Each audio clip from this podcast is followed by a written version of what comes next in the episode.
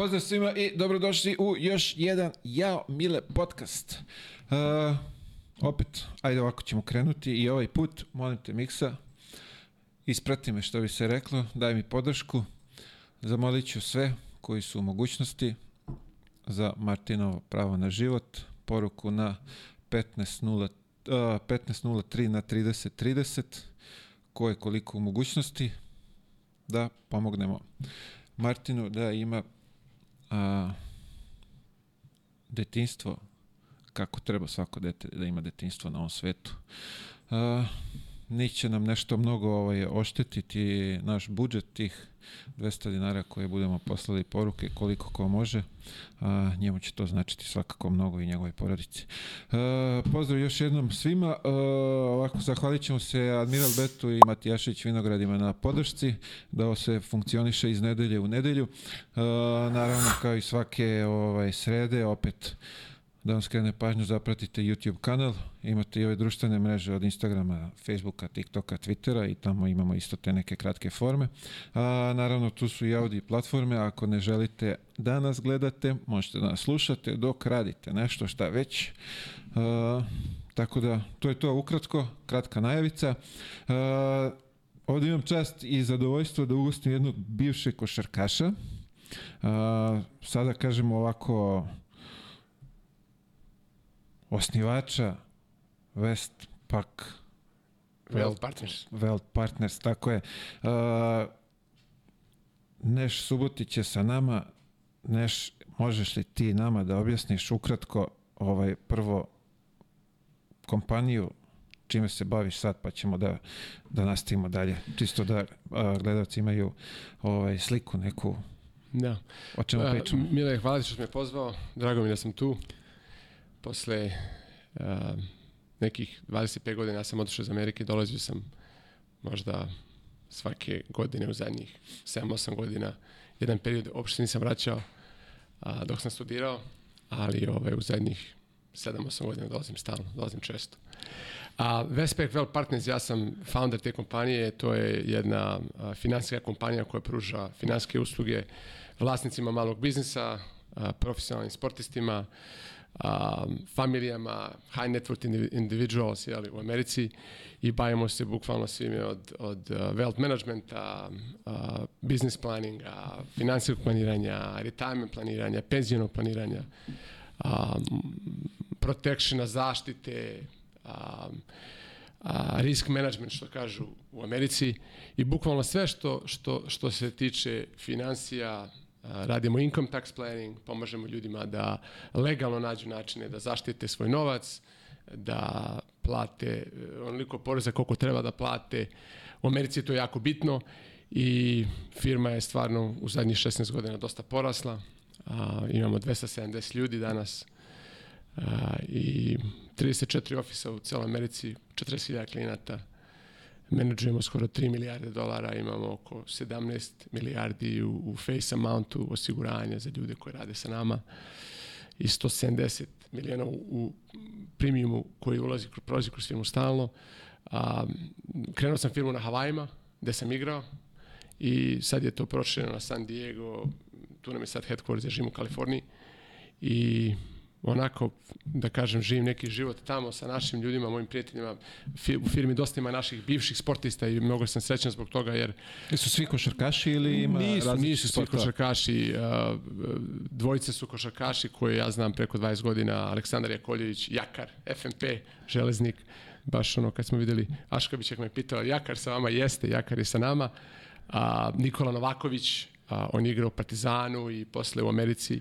Mi smo igrali u koleđu zajedno, u junior koleđu kad smo došli u Ameriku. A, tu je Vladimir Šašić, a, momak koji je igrao tenis za Partizan. To su neka tri sportista koji su sa mnom skoro od početka i, i tu su još, da kažemo, ljudi iz bivše Jugoslavije, neki iz Srbije, neki iz Bosne i Crne Gore. Marko Mijušković je momak iz Užice koji je krenuo sa mnom kad sam krenuo 2007. u Honolulu da radim.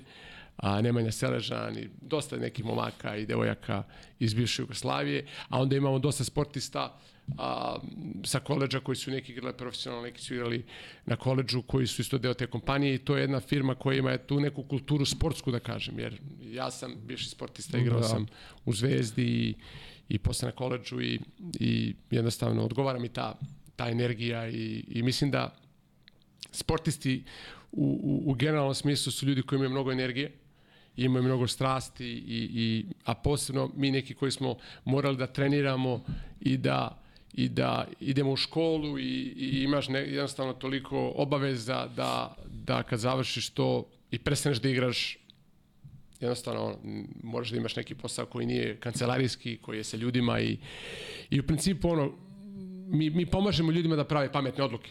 Jer a, kako ja gledam na život, to je mislim da su dve stvari najvažnije, ali familija, ljubav koju osjećaš sa, sa svojim ljudima, te, ti odnosi koji imaš, mislim da je kvalitet svačijeg života, kvalitet odnosa koji imaš u životu, jel, sa familijom, sa prijateljima. I meni je to najbitnije u životu, taj, taj, taj kvalitet odnosa koji imam sa mojom familijom, sa mojom suprugom, decom, majkom, sestrama, bližanekom familijom a, i odnosi koje imam sa prijateljima, sa kojima radim, s klijentima i, i mislim da je sve u životu u vezi odnosa. I ljudi koji su srećni imaju dobre odnose, ljudi koji nisu srećni, a, pare ne čine nekoga srećnim nego, nego odnosi život koji živi. Tako da to mi je jako bitno zdravlje broj 2 i broj 3 jer bez zdravlja nema ništa. Znaš, ne možeš, evo, videli smo neki veliki ljudi koji su velike stvari uradili, e, Steve Jobs, znaš, mislim, napraviš stvari, ali opet Da, da. Neke stvari Koliko god si novca imaš, zdravlje je zdravlje je najvažnije. Da. I treća stvar, da mi pomažemo ljudima, mislim da je taj neki a, a, pametne odluke u finansijskom smislu, kako da dobro živimo, šta da radimo a, sa novcem, kako da ga zaštitimo, a, da je to jako bitno i, i, i ja sam imam taj, tu strast da pomažem ljudima koji, kojima to treba. A, normalno to su vlasnici malih biznisa, mi smo tu recimo a, a, mnogo, mnogo naših klijenata su, su ljudi koji imaju biznise, jer njima stvarno treba najveća pomoć, tu su dosta sportista a, koji, koji jednostavno imaju taj jako mali uh, span koliko rade koliko igraju da bi imali pare za ceo život.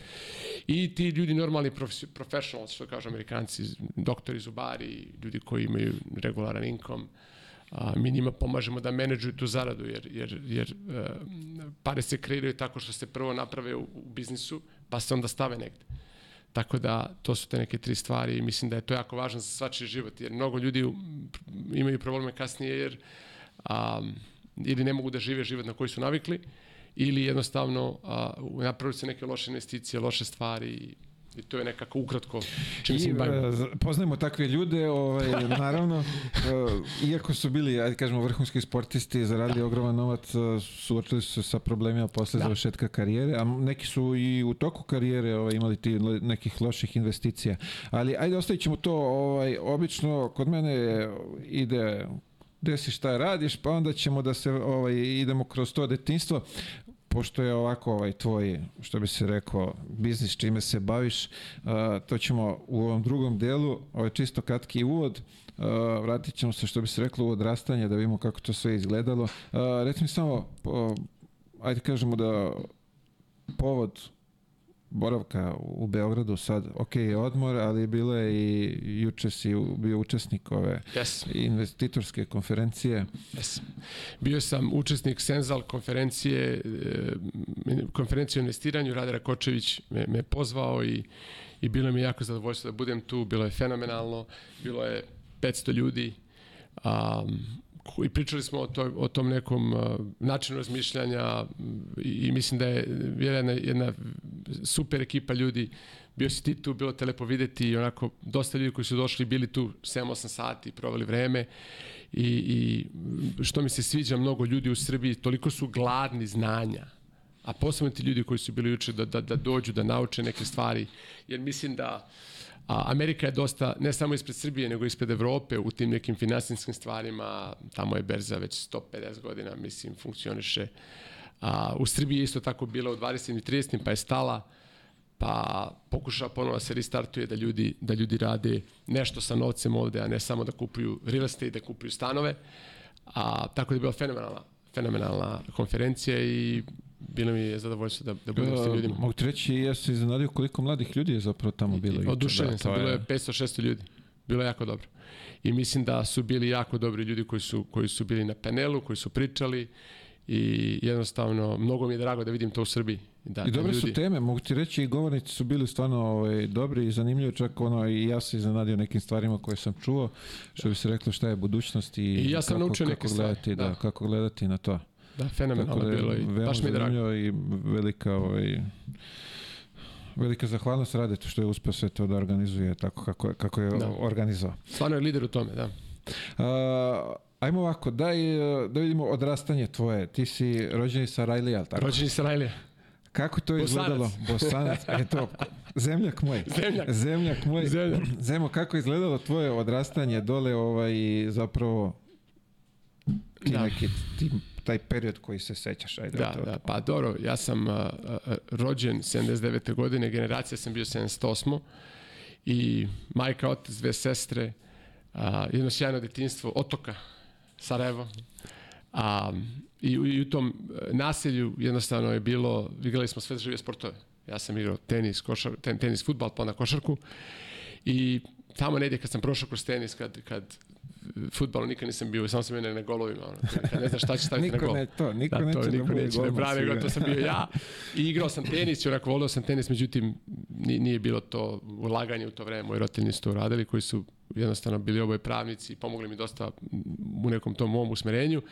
Ali ja sam zavoleo košarku, a, igrao sam tamo na onom košu kod nas a, i sa Vedranom Bosnićem koji je tad igrao u Bosni mm, kad ja i on je onako postao, još uvijek je ostao moj dobar drugar. Koji je- to klub, izvini, u kom Bosna. klubu u Bosni? u Bosni, u Bosni. Ja sam počeo u Bosni, um, Sarajevskoj Bosni. e, Nikola Radić mi je bio prvi trener. To je bila generacija 78-79.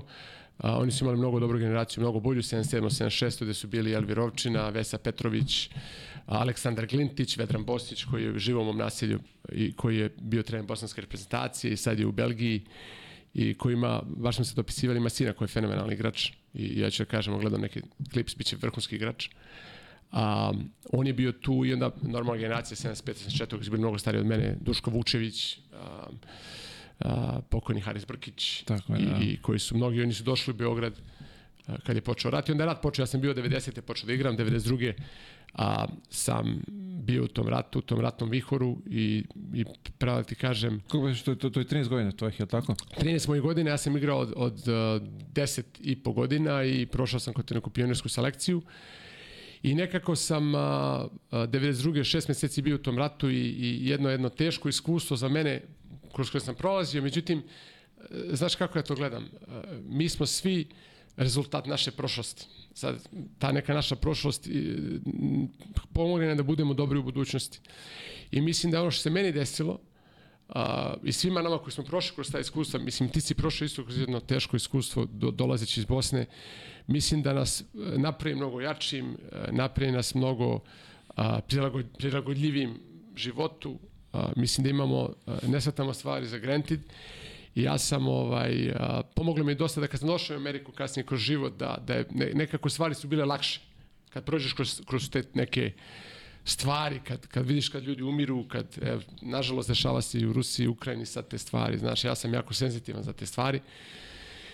I mislim da kad sam došao u, u Beograd, a, došao sam u Zvezdu i to nekom igrom slučaja, I evo me, za, izvini, znači vi, ti si šest meseci proveo dole u, Šest meseci u ratu. u, u tom ratu, da. Uh, k- k- izlazak taj, znam da je bilo priča da neko je otišao ranije, ko je uspeo, Jest. ko je ostao, to je kako malo mi je ono, mislim, verovatno ne, želiš ni da pričaš toliko o tome, ali me čisto zanima kako, kako se da. vaš izlazak iz Sarajeva, naš kako, izlazak iz. Sarajeva je bio, bio ovaj, baš onako pomalo traumatičan.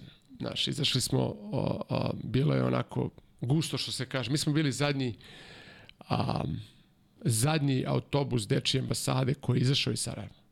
I izašao je preko izašao je preko um, teritorije prvo Republike Srpske i Liđa, pa smo prolazili posle kroz Travnik, pa Livno polje, pa u Split, pa iz Splita, mislim, Wow. ma, da ti ne pričam, pa punktovi, pa zaustavljanja, pa ko je na autobusu, pa šta Da, se da, dešava, da, mislim, da, užas. mislim užas Boži, znaš, i onda smo tra, na trajektu iz Splita za, za rijeku, iz rijeke vozom u neko izbjeglički a, Ubre, čoč, pa gde Ma, govore? a ne pitaj me ništa. Onda sam ja došao, meni je stric Wow. u Beogradu mnogo pomogao, moj cijela familiji. A, Danilo Subotić, mislim, koji je čovjek jedan fenomenalan, on, on nije imao dece, dosta nas prihvatio, živeo, bio je javni, o, zamjenik javnog tužioca u Beogradu, tada je bio jedan jako ugledan čovjek koji je pomogao mojoj familiji, smo došli u Beograd.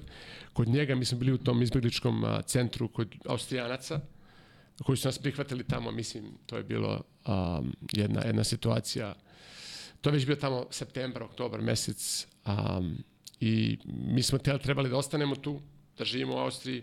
Moj otac je nekim splatom okolnosti bio ovaj um, odveden i u Sarajevu kad smo bili razmenjeni, šta ja znam, mislim to je bila jedna priča jako teška, gde su ovaj, ali se bilo okej sa njim kasnije, mislim, bilo je, bilo je okej, mi, smo, mi nismo htjeli da idemo iz Sarajeva, mi smo bili u naselju, nismo, nismo otišli, možda smo i trebali, sad kad gledam ranije, da odemo iz, Kad su svi krenuli, a to je bila da, greška sad gledajući na to, ne, nego da čekamo da mi Da. treba Mislim, ja verujem, svi su misli nije proćeće, da, nije da, to da, to, da, nije to kapiram, to i jednostavno se desilo da, da, ovaj, da nismo otišli, moji roditelji su tako procenili i onda smo ostali i, i, poslije smo se nekako našli u Beogradu i ja sam toliko bio zadovoljan što sam prošao kroz to um, a, živ i zdrav.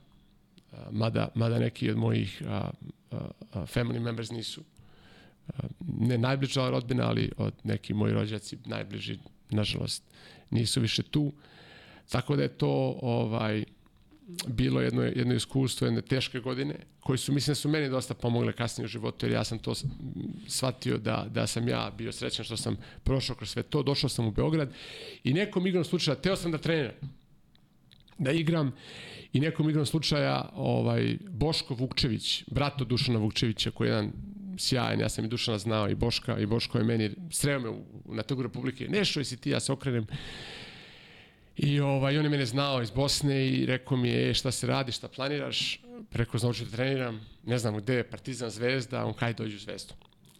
Dođe na Kalmegdan i bukvalno me doveo sutra, on je bio tad već ušao, radio je sa Draganom Jakovljevićem, ja sam kod Dragana Jakovljevića počeo da treniram, to je bila generacija 79. godište, um, i Boško me doveo i Dragan me tu trenirao, tu su bili dobri talenti, tu je, tu je bio um, Boško Radović koji je sad Um, on je došao iz Crne Gore, Dejan Voštić iz Novog Sada, ja, Saša Nikitović, Saša koji sad trenu u, u, u KK Dinamik, moj dobar, dobar prijatelj i, i, jedan čovek koji je jedan, po meni jedan vrhunski trenera i baš pratim dinamik i njegov rad i šta je uradio, on je tu, a sa njim se baš i čujem i viđam.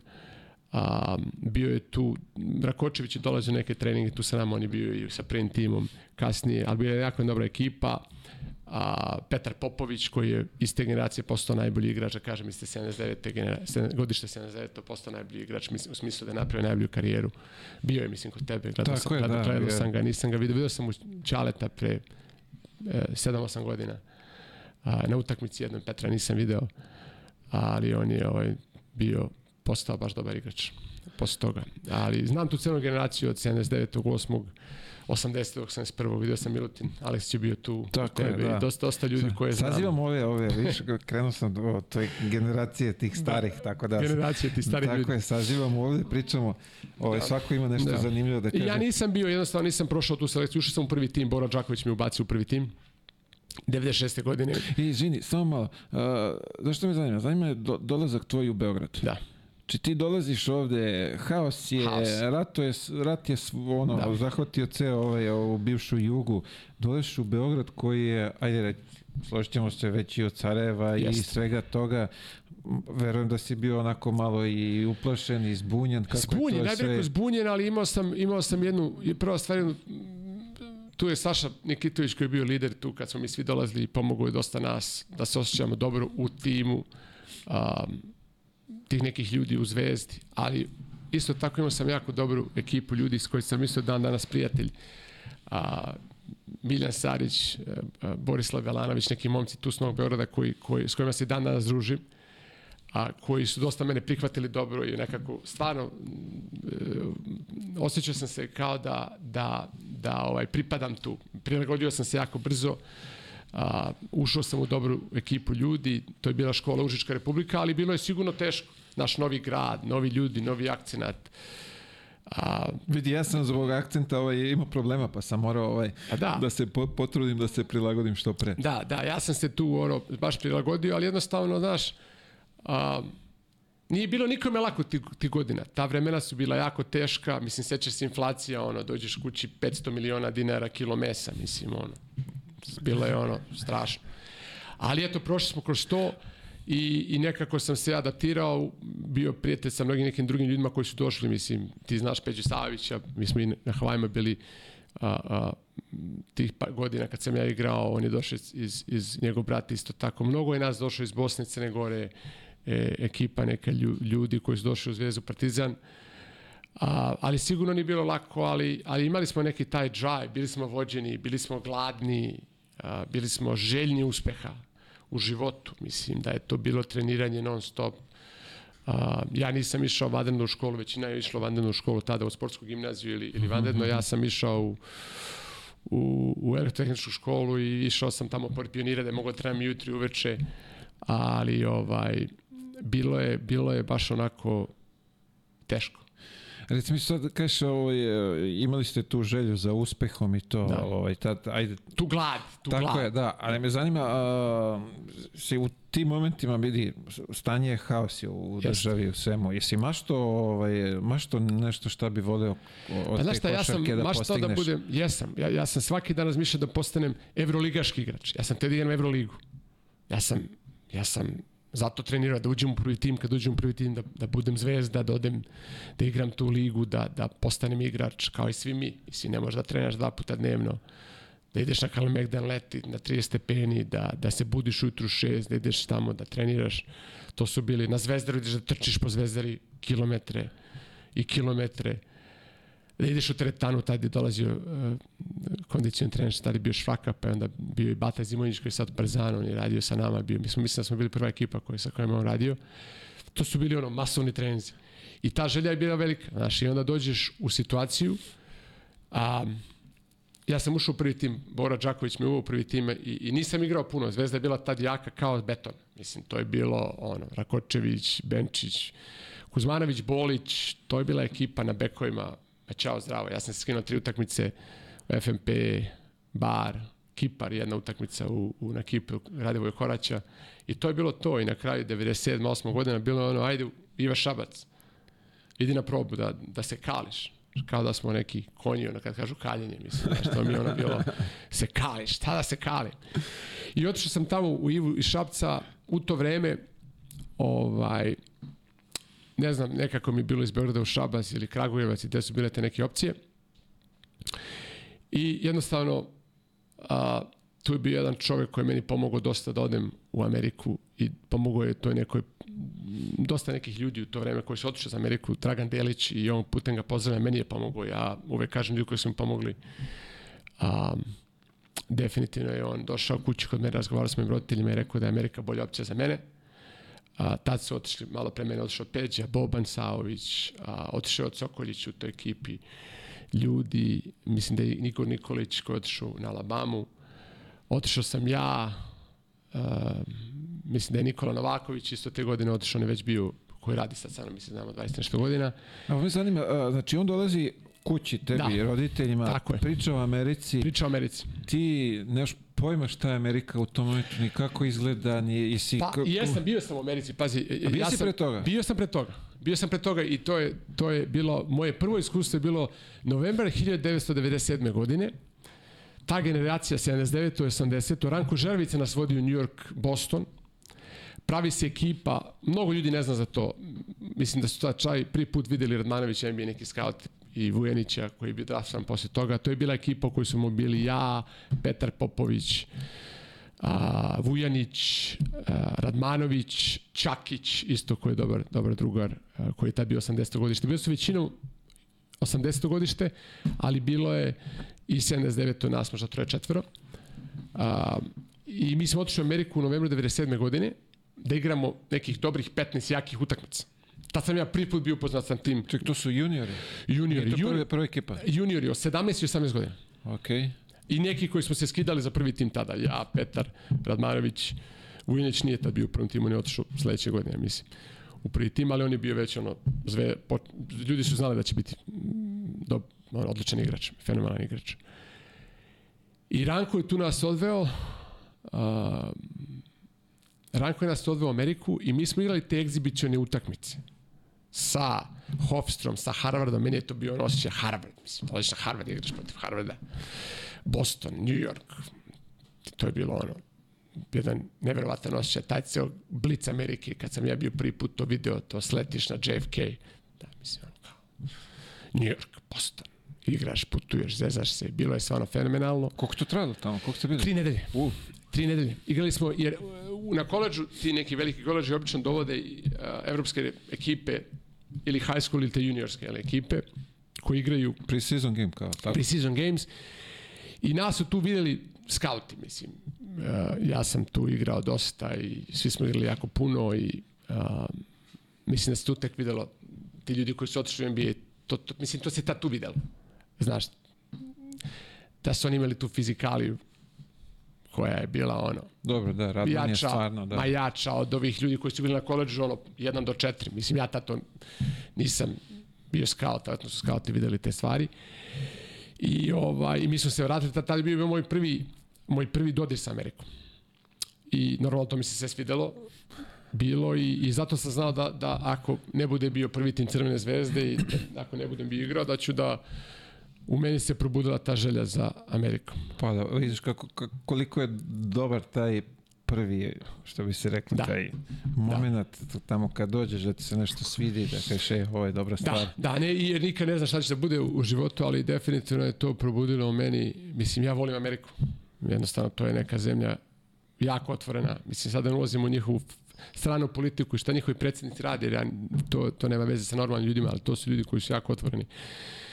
To su ljudi kad dođeš, osjećaš se kao da, da pripadaš, um, ljudi koji jednostavno ja, i, i, i mogućnost da postaneš ko, ko treba da postaneš. Tu se cene ljudi koji rade jako, tu se cene ljudi koji, koji su self-made, čak više nego oni gde, gde, gde se taj neki, neka bogatstvo transferovalo iz generacije na generaciju. Ali ovaj, meni je dalo toliko toga i, i ta košarka koja me odvela kasnije tamo, ja sam toliko zahvalan tome.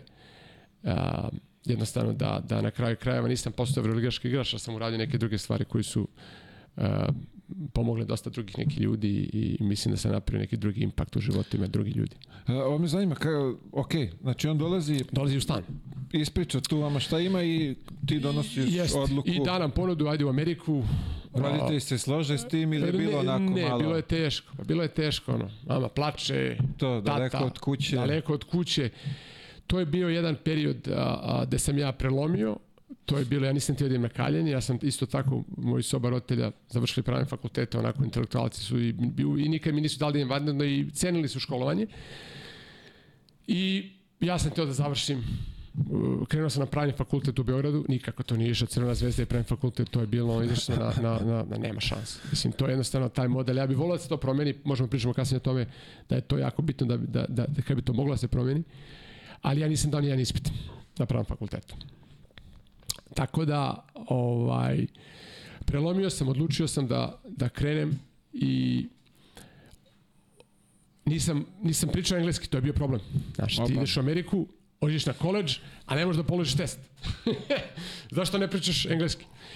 I nekako smo mi tu završili ovaj, na junior koleđu na koji ne treba da položiš taj test. Sad ima junior koleđ, regularan koleđ i mnogi ljudi koji završe dve godine junior koleđa odlaze na odlaze na, na četvrogodišnju školu i ja nekako tu završavam na junior koleđu u Nebrasci, od svih država Nebraska. Ne znam da si gledao Decu kukuruza film, ono, pre 20 godina. Mene kupe, u, slećem u Kansas City, kupe me, to je bilo dva ujutru, kupe me ljudi, ovaj, nao, ne znam da udaram, umoran sam, spavam u autu dok me vozi od Kansasa do Nebraska i ulazim u taj dorm gde sam živeo sa tim nekim igračima i, ovaj, i budim se ujutru. I nikad neću zaboraviti taj, to, to buđenje prvo. Jer sam očekivao New York, Boston, naš ludilo, budim se, to su, to su nepregledna polja kukuruza.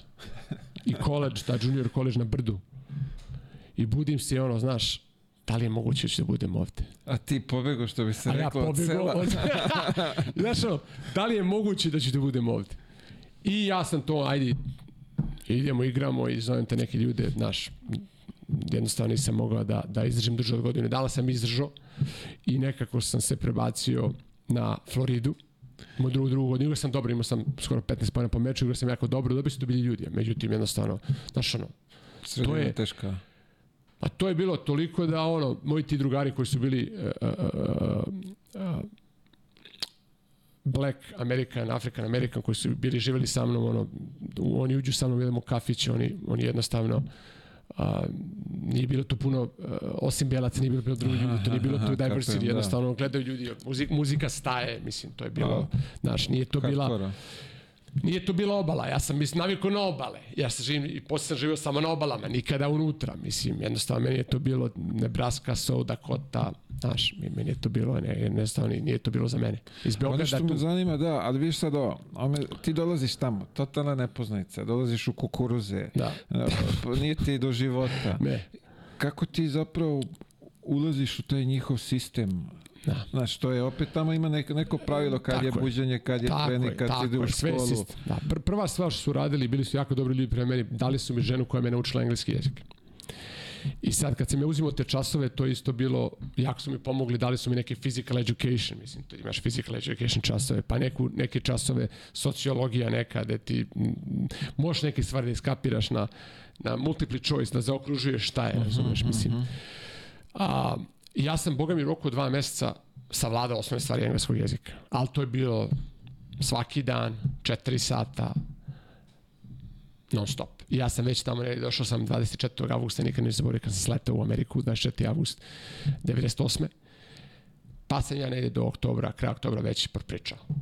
To je bilo već dva meseca, ali mislim dva meseca kad ti 8, 4, 5 sati svaki dan. Da, ali ti si osuđen, ti nemaš tu nikog, ovaj, nisi imao, pretpostavljam, nikog ovaj, 50 dolara, ne, ja sam imao 50 dolara u džepu i, i to, je, to je to. Mislim, imaš stan, hranu, ne, neki, neki te obroke i to je to. Ono, da te na, napoje, nahrane, ideš u Dobro, školu. nemaš drugog izbora, znači ili ćeš da naučiš jezik da Ili nema, to je- to je to. vraćaš se kući. To je to, ali, ali jednostavno, da, ili se vraćaš kući ili odustaješ i to je bilo teški dana, mislim, to je bilo dana, ono, ali jednostavno ne, vraćanja nema.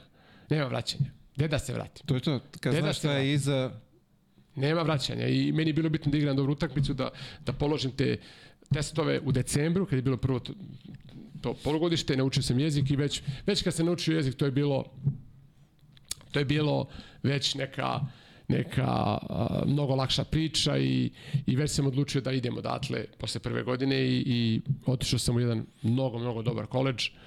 A, a isto tako pričamo o toj prilagodljivosti, kad si mi pitao pitanje za dolazak u Beograd, a, dolazak u Nebrasku je isto bila prilagodljivost. Znaš, i tu sam sad sa nekim novim ljudima, ali sam crpeo iz onog iskustva iz Beograda, prilagodio sam se s ljudima, našao sam tamo drugare, prijatelje i, i jednostavno tad sam se družio sa Brazilcima koji su bili na timu i oni su dosta ono, sličan mentalitet nama i, i mnogo dobri ljudi i, i nekim ljudima koji su došli i sa Kariba i naš tih ostrava koji su isto bili na timu i nekako smo zajedno prolazili kroz kako je njima kad dođu sa Kariba u, Da. u kukuruzu. I to ono, znaš, staje muzika kad oni uđu. Mislim, to je ono, znaš, jer tamo su uglavnom beli ljudi. A, tako da je to bilo, to onda sam otišao na Floridu i to je bilo, ne, tu je Nikola bio i bili smo tu zajedno, ja, Nikola Novaković, bio je tu još jedan a, a, momak isto iz Srbije, nas troje smo bili tu. Uh, Želimir Stevanović igrao je, igrao je Partizanu i on, ali ja Nikola smo bili baš bliski i znali smo se od pre i imali smo tu jedno totalno drugo iskustvo. Znaš, to je Panama City, Florida, Spring Break, ludilo, Da, da, da, da, plaža. To je već bilo, to je već bilo nešto, ovaj, kako sam ja, to je obala, znaš. Mislim, Kako ja, ti zamišljao Kako to? sam ja to zamišljao, znaš. Mislim, mi smo živjeli zajedno i držali se, tu je došao Saša Mijailović, isto bio jedne, ako se sećaš Saše, on je iz da Kraljeva. ne. I Saša je bio tu sa nama, isto jedan sjajan, sjajan lik. A, I posle, do, posle, posle nas dolazili su drugi igrači, došao moj Danijel Milić je došao posle i još neki ljudi koji su igrali a, sa mnom u Zvezdi i, i koji su otišli tamo. Ali ovaj, to je bilo mnogo, jedno, mnogo, mnogo bolje iskustvo. a, mnogo bolji život. Ja sam tu a, isto dobro igrao i, i, i završio taj junior college diplomirao. Ali opet rutina je ista. Buđenje, Isto rutina, trening, buđenje, škola. trenizi, hrana, ono, polovojnička disciplina. Kad se završi sezona, malo je lakše, već od marta treniraš sam. A, pošto imaš tamo pravila kad možeš da treniraš, kad ne možeš da treniraš. To, to je u, američko, u američkom sistemu sve... Čak i u školama. Znam Ne za. NBA da imaš... Ne Ovaj, možeš da treniraš, ti, ti ne možeš trener da te trenira u vremenu kad ne smiješ da treniraš. Znači, treninzi počinju krajem septembra, početkom oktobra, pre toga je sve neorganizovano. Mi se nalazimo, igramo utakmice, šutiramo, radimo sami. Ne može. Ne može. To je tako. Zašto? Zato što oni žele da ljudi idu u školu i završe te časove, jer ako imaš non stop treninge, nećeš završiti školu. da, da, I da, to da. make sense, mislim, u neku ruku. Ali mi moramo da trenamo da bi bili spremni. Tako da, ovaj, ali ja sam već tu počeo da radim. Znaš, da bi zaradio ne, neke pare, nema to. Treba ti pare za izgledke, za ovo, za ono. Para Bravo, nema. Bravo, bravo, bravo. Pare nisu problem, para nema. Para nema. para nema. Tako da smo, eh, ja i Nikola smo radili neke, neke ovaj, a, Sjećam se, tad je Radojević, a, Aleksandar isto poslao, poslao ne, nešto nama, neke patike, cipele, on je tad potpisao za Toronto Raptors je bio 12. pik. Aha, aha, aha. I on je tu ovaj bio deo te neke ekipe, jeli, koja, koja je došla u tom nekom periodu Ameriku i, i on je ovaj bio igrao na junior college isto i onda je bio draftovan, on je bio prvi od te ekipe koji je bio draftovan, posle mnogi ljudi bili draftovani, uključujući i tebe, jel? A, koji su otišli u Ameriku, ali ovaj, para nije bilo. znači šta se radilo, moralo se radi. I onda dobiješ dozvolu da možda radiš off campus. E, to mi isto zanima. Čekaj, znači ti ideš, uh, to je u toku školske godine. U toku školske ti godine. imaš pravo, tražiš tamo odobrenje, Tako verovatno, je, tražiš odobrenje da radiš na kampusu, na kampusu. na kampusu mora da Imaš pravo i van, je tako ili ne? Pa možeš, možeš i da to dobiješ, malo se teže dobija, ja sam dobio te dozvole. Uh, prvo mora da dobiješ socijalni broj. Okay. Bez socijalnog broja ne možeš da radiš. To znam, to znam. To, sedeo sam dva meseca u hotelu dok, da, Da. dok sam dobio taj Da. social security Slušaj, number. to znaš sve. To znaš sve. Sagoreo sam. I mora platiš taksi. Oni ti daju to da bi mogli da vode računa, da bi taj koji te platio mogao da odbije od svojih taksi koje ima u bilo kom biznisu. I mi smo tu počeli da radimo. Prvi moj posao tamo je bio a, suđenje na nekim utakmicama. Prvo smo sudili tamo na 30 stepeni. Mislim, to je bio pakao, razumeš, Koji na sport? Floridi. Pa košarka. A, košarka, pa, okej, sudiš, okej. odsudiš, dobiješ 100-200 dolara, šta god, znaš.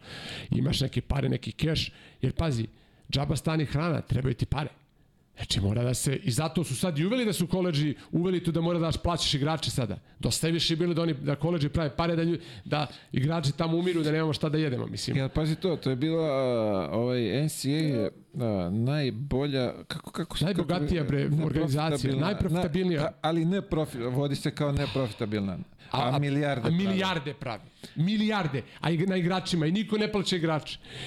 A I, ček sad kad smo već kod toga, jel misliš da je okej sada neki klinci koji idu u školu dobijaju po milion dolara? da li misliš da je okej? Da. Apsolutno mislim da je okej. Jer vidi, ako je okej njima da na njima se prave pare, zašto nije okej da igrači dobiju pare? Zašto? To je isto kapitalizam. Znači, ako ti na meni praviš pare, pa valjda je red da platiš i mene. I ja sam baš pričao sa nekim igračima, normalno, a, jer mi sad i pomažemo nekim ljudima koji su igrači, koji prave te endorsement inkome, koji dolaze kod nas i mi te pare zaštićujemo i radimo s tim parama neke stvari. Pazi, to su ljudi koji dobiju 500 milion, čak neki po 2 miliona. Sad sam čuo da je LeBron James sam dobio koliko 6-7 Tako nešto, koliko bi se rade? ma bio je ovde, milione. Ja mislim rade, o, on je rekao da je negde oko 8. Osmo, strašno. Mislim, ali opet, to je taj Pa to je influencer. klinac, to je klinac, Klinac. od koliko, koliko, koliko to dođeš? 16 godina? On ima 17-18 godina. Znaš, ali to je takav following na social Ok, mediji. kapiram da nije tu, da nije Ćaleta, ne bi Da. to bilo blizu, ali... Znaš, opet je to, ali hoću ti kažem, e, zašto je to okej? Zato što pre 22 godine, govorim ti ta 99. godina kad sam ja bilo free, 99. na 2000-tu, čeče, ja, mi ne može, mi ne, nemam. Nemam, ne znam, nisam. Znaš, to je bilo ono klasično. da. Mislim, ti dobiješ taj obrok tamo i Obrok, smeštaj, pa. a između toga treba nešto pojesti još Treba nešto i pojesti, znaš, izaći, kupiti da majicu, gaće, sok šta i god. to, da. znaš, šta god, znaš, tako da, da je to bilo isto pakao tamo, znaš, mislim, ono. Tako da mi smo radili, onda sam ja sam se u školi, neki administrativni posao sam dobio, ono, tu sam zarađivao neki minimum već, su me plaćali, ovako ljudi su me zavolali tamo i ta neka, imao sam i neke ljudi, ja i Nikola, gde smo i dolazi, Saša Mijailović, dolazili smo kod te jedne američke familije, Jack familije, tako su se zvali i dolazili smo, oni su nam zvali nas na večere, dođi vamo, dođi tamo, onako, sjećam se, tad sam gledao kod njih, ovaj prvi put kad, kad su Lakersi osvojili titulu to ono sposobno napravili su veliku večer doći da gledamo finale da. a, tad je bilo ovaj a, prva njihova titula tad su dobili Indijanu, Indijanu Kobe iz su osvojili prvu titulu to je 2000. godina Tako da je bilo ljudi koji su pomagali nama, ajde da kupimo nešto, ali uglavnom bilo je jedna velika težina. Ja sam tu završio i tu je počeo sad offers da dolaze za nas i mora se ide na četvrogodišnju školu. To je bilo znači gotovo, ta priča je završena, dobio sam diplomu. To je junior, ti sad pređeš na koleđ. Na koleđ, tako? tako. I sad ideš odatle, sad te regrutuju mnoge škole i ja sam dobio ovaj, a, dosta nekih ponuda, a čak u nekom periodu me Leonard Hamilton je dolazio, teo da, da me dovede u Miami, koja je bila velika škola, a, u ranom tom pre, prelaznom periodu ja tad nisam došao, teo sam koje su druge opcije bile i posle toga, kad se završila škola, imao sam, ajde kažem, neki 5-6 offers, 5-6 ponuda, ali sam izabrao jednu ponudu, već sam ja tad nazirao, znaš, 21 godina, već sam ja tad nazirao da ja želim da igram negde, bilo mi bitno jako koji ću način života da živim. Tad sam već počeo da osjećam da, da je jako bitno gde živim, sa kim živim, sa kim imam odnose. Apsolutno nisam želeo da idem, znam da me tad rego to Arkansas State, neke škole, Long Island, neki tako Division 1 college, ali dosta Division 2. I onda me zvao čovjek sa Havaja. Toni Salito koji je onako dosta mi je pomogao u životu i, i zvao me telefonom, Talijan jedan iz Njorka koji je osvojio jednu titulu a, sa tom školom i zvao me i rekao, slušaj, imaš da u Americi imaš pet uh, vizita da napraviš. Jedna od tih bila Havaje. Ja kažem Nikoli, ako me idem na Havaje, čisto vidim, neću ja tamo, znaš, ali ajde vidim Havaje, Daj, Honolulu, Waikiki Beach, daj da dođem tamo.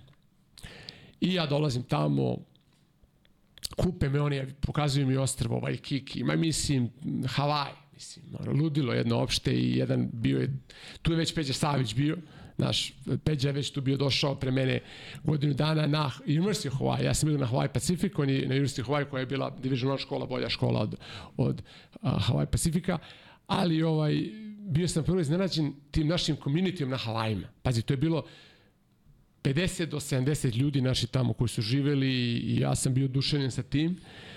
I ovaj, sećam se da me tada pokupio jedan momak, a, a, Marko se zvao, koji me pokupio i po, pokazao mi, tu sam upoznao mog kuma, sadašnjeg Dragana Ječića, koji je isto bio tu u toj ekipi ljudi, a, i ono, izveli su me, zezali smo se i kad smo došli na taj, na taj razgovor, uh, on je meni to jako jednostavno objasnio. Rekao, slušaj, dečko, ako hoćeš da ideš da igraš u Evropu, miš uvijek to mi bio cilj, igrat ćeš ovde 30 minuta. Kad dođeš u Evropu, niko te neće znati gde si igrao. Pitaće se svi koja ti je statistika, što je istina. Ba. Ne, mislim, u Evropi ljudi ne znaju puno da li si igrao na Division 1, Division 2. I ovaj, druga stvar, um, završit ćeš kod mene i dobit ćeš petu godinu, magistrirat ćeš. Ako hoćeš da radiš nešto, daću ti, platit ću ti magisterij u financijama, ako hoćeš da studiraš, jer ti u četvrtoj godini si tamo mogao već da uzimaš časove a, za magistraturu kad si senior na koleđu. I to se meni svidelo, znaš, peta godina. A poslije ću ti reći koliko sam ja dobio tog univerziteta. Da ti ne pričam da je moja žena došla, moja sestra, ja sam dobio brat bratu, pa je oko 400-500 hiljada dolara, gde su moje, moja sestra završila fakultet, magistrirala, moja žena koja je završila pravni fakultet je došla i magistrirala na tom univerzitetu isto, tako da ne mogu da ti opišem koliko ljudi došlo. Wow. Oni su radili taj work study, oni su svi dobili plaćeno. Kasnije, ja sam znao predsednika, znao sam ljude, ja sam već tad pravio konekcije sa ljudima na nekom nivou sa 22-23 godine, da mnogi ljudi jednostavno nisu znali šta znači praviti odnose sa ljudima. Ja sam uvek pravio odnose sa ljudima. Meni je to bilo uvek najvažnije. Odnos sa ljudima. I uvek sam uzimao to A, nikad nikoga nisam uzimao uh, zdravo za gotovo. Ja mislim da to ljudi stalno rade u nekoj našoj kulturi ljudi. Ja sam uvek taj, ja sam uvek taj koji uh, zove ljude, javlja se ljudima, A, mene ne interesuje da li mene neko zvao ili nije zvao. Ja nisam egomanijak, znaš, da, nisi me zvao. Ma nema veze, ja začu ja tebe svake godine ti kažem, srećna nova godina. A, znaš, ja sam uvijek sa tim ljudima bio ono korektan, sa tom celom Hawaii Pacific communityom na Havajima, Honolulu, koji je dosta kao Beograd, recimo, znaš, tamo ti je a, azijska kultura i tamo ti je dosta ono ko zna koga, ne, nemaš profesionalni sport, tu si imao Hawaii Pacific, BYU University of Hawaii a, a Savović je bio tamo, on, mislim, ono, ono čovjek nije celebrity, nije mogo da prođe, njega su svi znali jer je bio najbolji igrač. Se jebe se, Peđa bio pa, toliko. Peđa je bio celebrity tamo, tamo je bilo ono, šta ti je, to je bilo haos. Viš, nije se hvalio ovde, Nije, nije, nije, pa ja sad govorim, da, on je bio, a pričati smo radili, mi smo bušili betone, ja i on, to je, to ću ti pričam, kako se to zarađivalo, pre, pazi, ovo šest meseci prije njegovog NBA ugovora mi bušili betone po, po, po plažama, mislim, to je, to je priče, mislim, nije ti on to pričao, on je sad ozbiljan biznismen isto, ali ovaj, a, to se meni toliko svidelo, to se meni toliko svidelo, znaš, a ta cela A ekipa... čekaj, to je isto da zaradiš kintu. Ma da tako? zaradiš kintu, kako ne? Pa to ću ti pričam, to, to, su, to su bile ja i on, mislim. Znaš, to je, mislim, to je priča. Uglavnom, a, odlazim ja tu, vraćam se sa Havaja, tamo je bilo fenomenalno i ovaj, Pa jednostavno, nisi još donio odluku da ćeš Ni, se nisam, vratiti. nisam odneo od, odluku i vratio sam se i pita me Nikola Novaković šta je bilo, kako je bilo, rekao, brate, sve, sve sam zvao sve ponude, brate, Havaji su, ono, vrh, brate, ne, ne, naš, ono, ekipa ljudi, a, imam svoj stan, ne tražim na kampusu njihovom tamo na drugoj strani ostrva, jednostavno nisam, ja sam živio na Floridi u stanu, nisam teo da, ja ne, ako ću na kampus, doću na kampus, nisam teo da, da, da nekako sam volio da živim neki independent life odmah, a ne tamo da sam, Tako da ovaj, on, on mi je dao stan, uh, platio mi masters ako hoću da dođem, šta god treba, nema problema, hoćeš da radiš, sredit ćemo sve, da radiš, na, ako treba mi novac, hoću da radim na kampusu, sve mi je bilo sređeno da mogu da zarađujem novac na kampusu, da, jer ja sam teo da živim, ja nisam teo da, znaš, Tako je, kapiram. I, ovaj, I došao sam i odlučio sam da to na Havaj. Zvao sam ga, on je kao, ja, toliko smo srećni. Kad dolazi, čeko, čim završim, bio sam gotov 1. jula, 1. jula sam tamo. E sad, to je ono što me pitao kako je bilo teško. Bilo je teško mnogo, jer ja četiri godine se nisam vraćao u Beograd. Nisam okay. vidio majku i oca četiri godine. Sestre, mislim, znaš, to je bilo, ideš sa 19 godina i nemate do 23. Pri tome u tom momentu nema interneta. Nema internet, počinje internet, ali oni ne znaju internet, mislim, znaš. Tako je ovde Znaš, to je bilo četiri na, na godine fiksni. nevraćanja. Nevraćanje. Nema nazad, znaš. Nemaju se pare za karte. Da. Em. Ne, kao, poslao sam dete na školovanje, ali nemam pare da kupim kartu da dođe kući. to ti e, kažem. to to. to. ti je to, to ti je to. Četiri godine ne vidiš svoje, znaš. I to su isto neke, ono, znaš, stvari koji su mene oblikovale, a, koji su me napravili ono što jesam bio kasnije u životu, ali a, Havaji su mi dosta pomogli da, naš, plaža, zvezda, da, da, da, pre, da nekako prebolim te neke stvari, da imam stvarno dobar život. Ja sam imao I jako dobar život. I taj, tu komunu I tu komunu, i te balkansku, i te ljude, i Crna Gora, Srbija, Hrvatska, Bosna, bilo ih je baš dosta ljudi i, i ja volim svu tu ekipu, moju balkansku. Ja jer pa ja sam- vidim malo pre si rekao, dolaziš na Havaje, čekate tip i čekate tamo već drugi tip Da. koji ti je posle kum. Da, Či to je ti to. odlaziš u tri lepe na kraj sveta, Da. tamo upoznaješ čovjeka koji će ti posle biti Da, kum. da. Si nije kad to? nosiš- Ko je to? Da, da. I to je i prijatelji i, i, i koliko sam ja tu ostvario tih odnosa i, i nekako, znaš, igram tu, igrao sam odlično, bio sam najbolji igrač 17-18 minuta po meču, 17-18 pojena po meču, igrao sam 30 minuta i dobio sam tu slobodu. Sve što mi je Toni Selito rekao, taj coach, sve je tako bilo i bolje od toga. Ali bolje od toga, A, igrali smo ti velikih škola Notre Dame, to mi je neki highlight da sam bio na tom Thanksgiving klasiku, jeli, all, all first team, gde su bili NBA igrači, Matt Carroll, a, bio je Ryan Humphrey, to su bili sve prva runda igrači, ja sam tu dao 17-18 minu, e, poena, Liberty dao 30 poena, 9 trojki, to je bilo ludilo.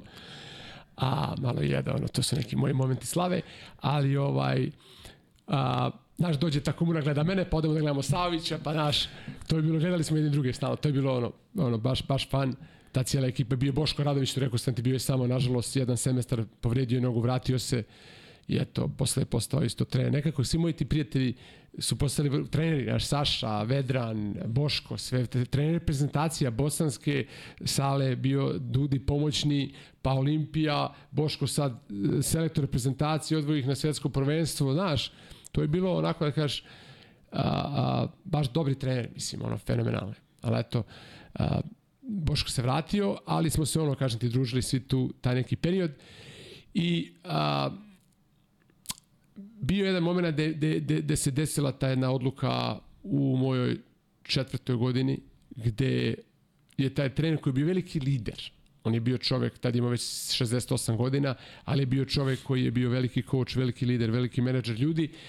I ja sam inače imao ljude kroz moj život, dobre trenere, sa kojima sam radio, počevši od, ne znam, Nikole Radića, pa imao Dragana, pa a posle e, Karadžu, e, Tozu Matića, pa Međaković u prvi tim, pa Ranko Žeravica, Lale Lučić jedno vreme, a, dosta draštih ljudi, ali to su sve bili dobri treneri. Ja sam imao tog Toni Selita, koji je bio onako, kažem ti, makro čovek, makro lider, nije bilo samo u vezi košarke i imao sam par loših utakmica, bilo je 7 pojena, 9 pojena.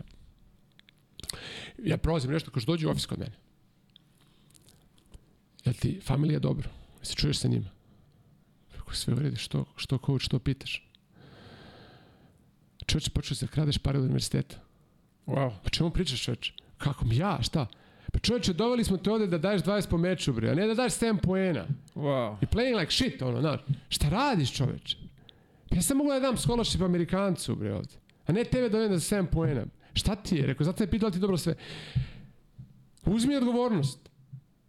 Uzmi odgovornost za svoje postupke. Ti nisi ovde došao da daješ, ti treba budeš lider ekipe i posle toga ovaj, sam ono shvatio, naš, dao mi je, dao mi je istinu, naš. Istina je baza svega kad ti neko daže, kad ti neko kaže tako nešto i, i shvatiš, znaš, nema veze na kom si nivou. To možda apliciraš na NBA levelu, na Zvezda, Partizan, uh, Hawaii, gde god da igraš, koji sport da igraš, znaš, osnova svega je uzimanje odgovornosti. Šta se dešava, šta si uradio, zašto si doveden, Koji je tvoj posao? To je baš bilo onako ovaj, surovo. Surovo, surovo, ali naučite lekciju životnu, znaš, naučite nešto što posle toga ti to bude stack up i onda ceo život to, oni rekao, ti kradeš pare, ti uzimaš pare od nas. Tebi je plaćena škola, ti imaš sve, to je bilo ta nekih 20-30 dolara, sad je 50 recimo. Znaš, to je ozbiljan novac, plaćeno školovanje. Pro, protresete lepo kad ti to kažeš. Protresete lepo, znaš, onda sam ja igrao dobro i, i tamo negde pred kraj opet me zvao dođi da pričamo ovaj, šta ti misliš? Pa ne znam, znaš, šta vi mislite? Ti pitaš njega? Ja njega pitam. On kaže, slušaj, nije ovo za tebe. Ti si trebao, mom, dečko, da imaš ovde 30 pomena po meču, ti si dao 17, 18, tvoj drugar Peđa ima 22, otišao čovjek na Sweet 16, on je NBA igrač, potencijalno.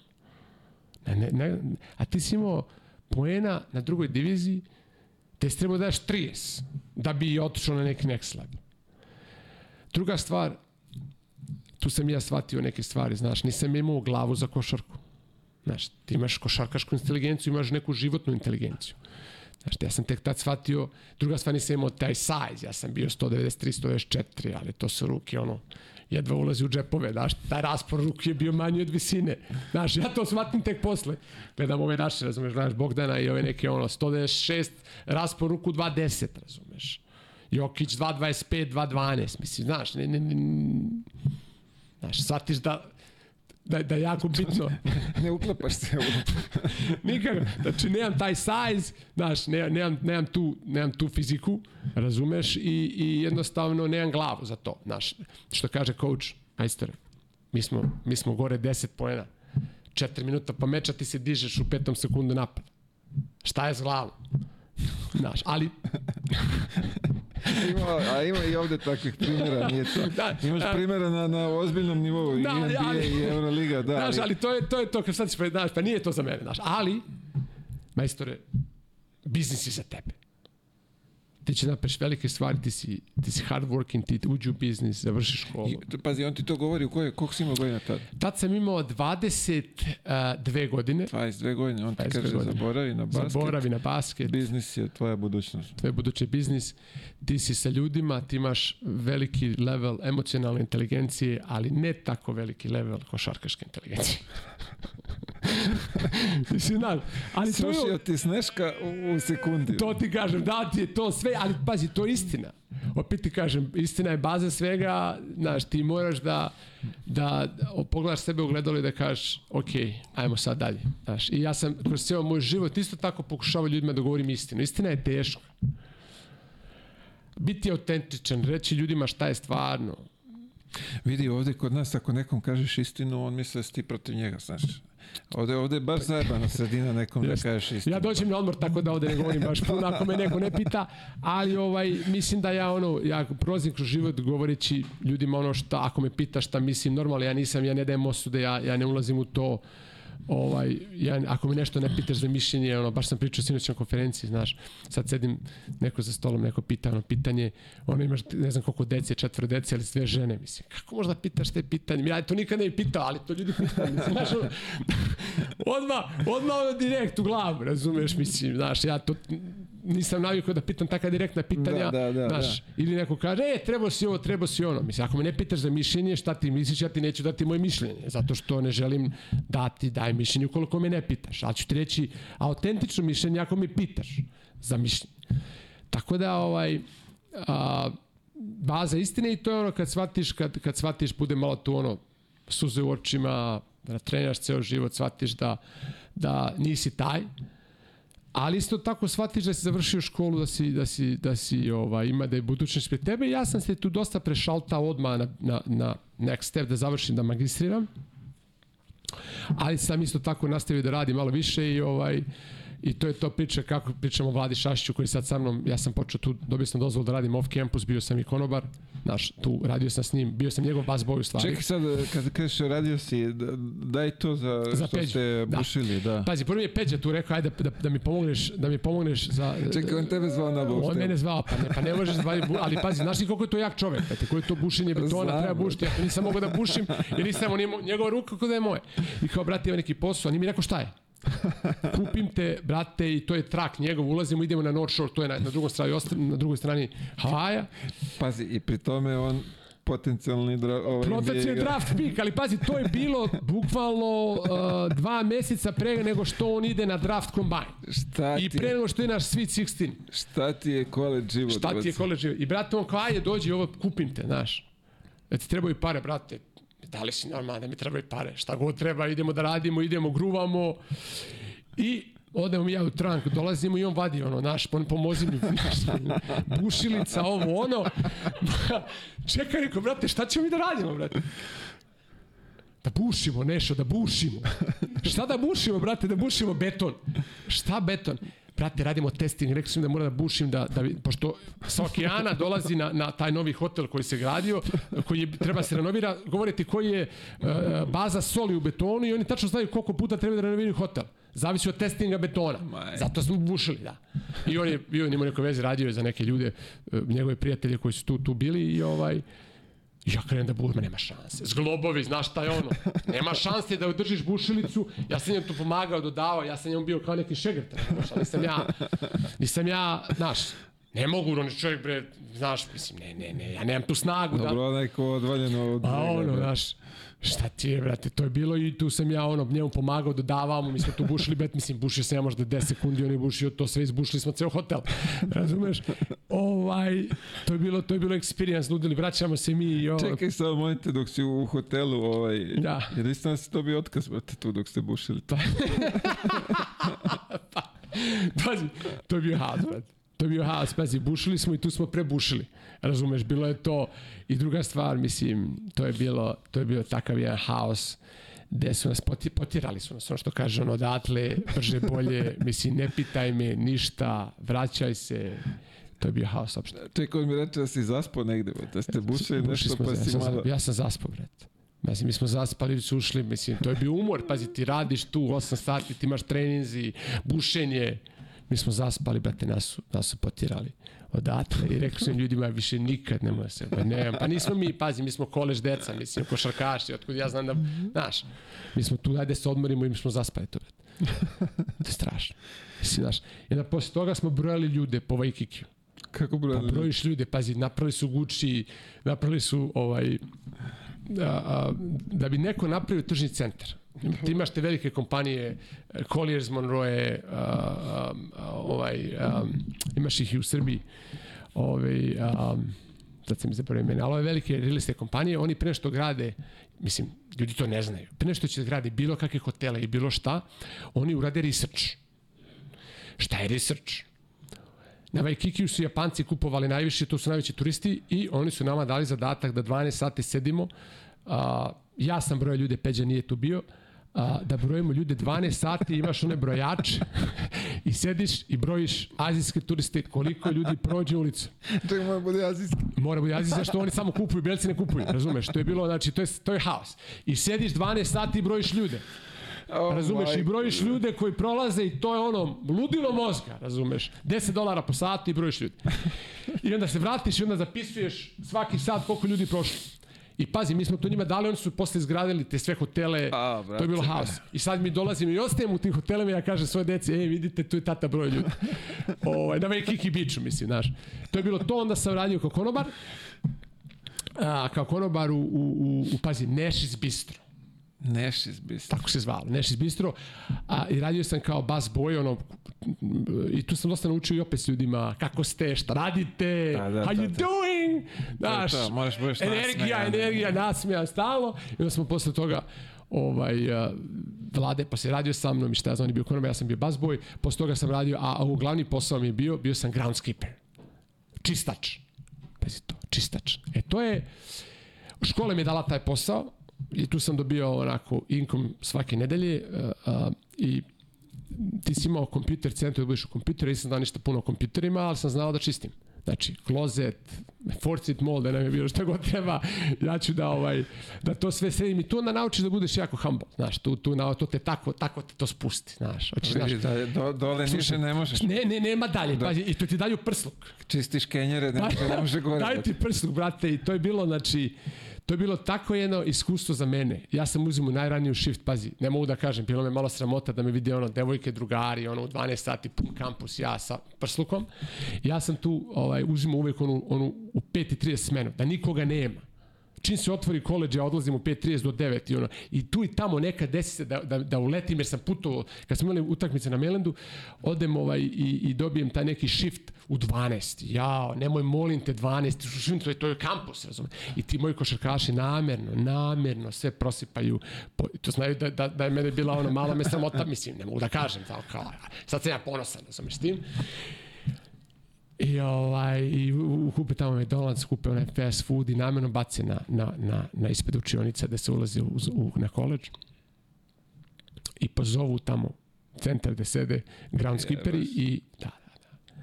I molim vas kao pošaljite, ima smeće ispred ovo ono i sad ti imaš brum, ono, metlu, prsluk. Ono, ja se smiju svi. Jako, ja, znaš, jo, jednog dana, jednog dana, znaš, i to Vratit se, vam za vratit ću vam za ovo i to je, opet ti kažem, to je sve što te, što, što ti kreira karakter, znaš, ti kad, se, kad, kad dođeš na taj level, kažeš sve ok, on sam bio pole muva posle, razumiješ, znaš, mislim, to je bilo posle ono, ili, ili neko prolazi, ideš, ideš na ovaj, treba ideš Dobro, na u date tom sa nekim, momentu je sramota. ono, Jeste, malo jeste, blam, jeste, a ali posle kasnije, znaš, ono, ili ono je bilo, ili ono izlaziš u grad, ono i kao pozdraš se sa, sa devojkom i kao, znaš, sutradan, 9 sati, razumeš, izlaziš, Ups. ups, čao, šta je ovo, ma nemam pojma, znaš, nisam ja.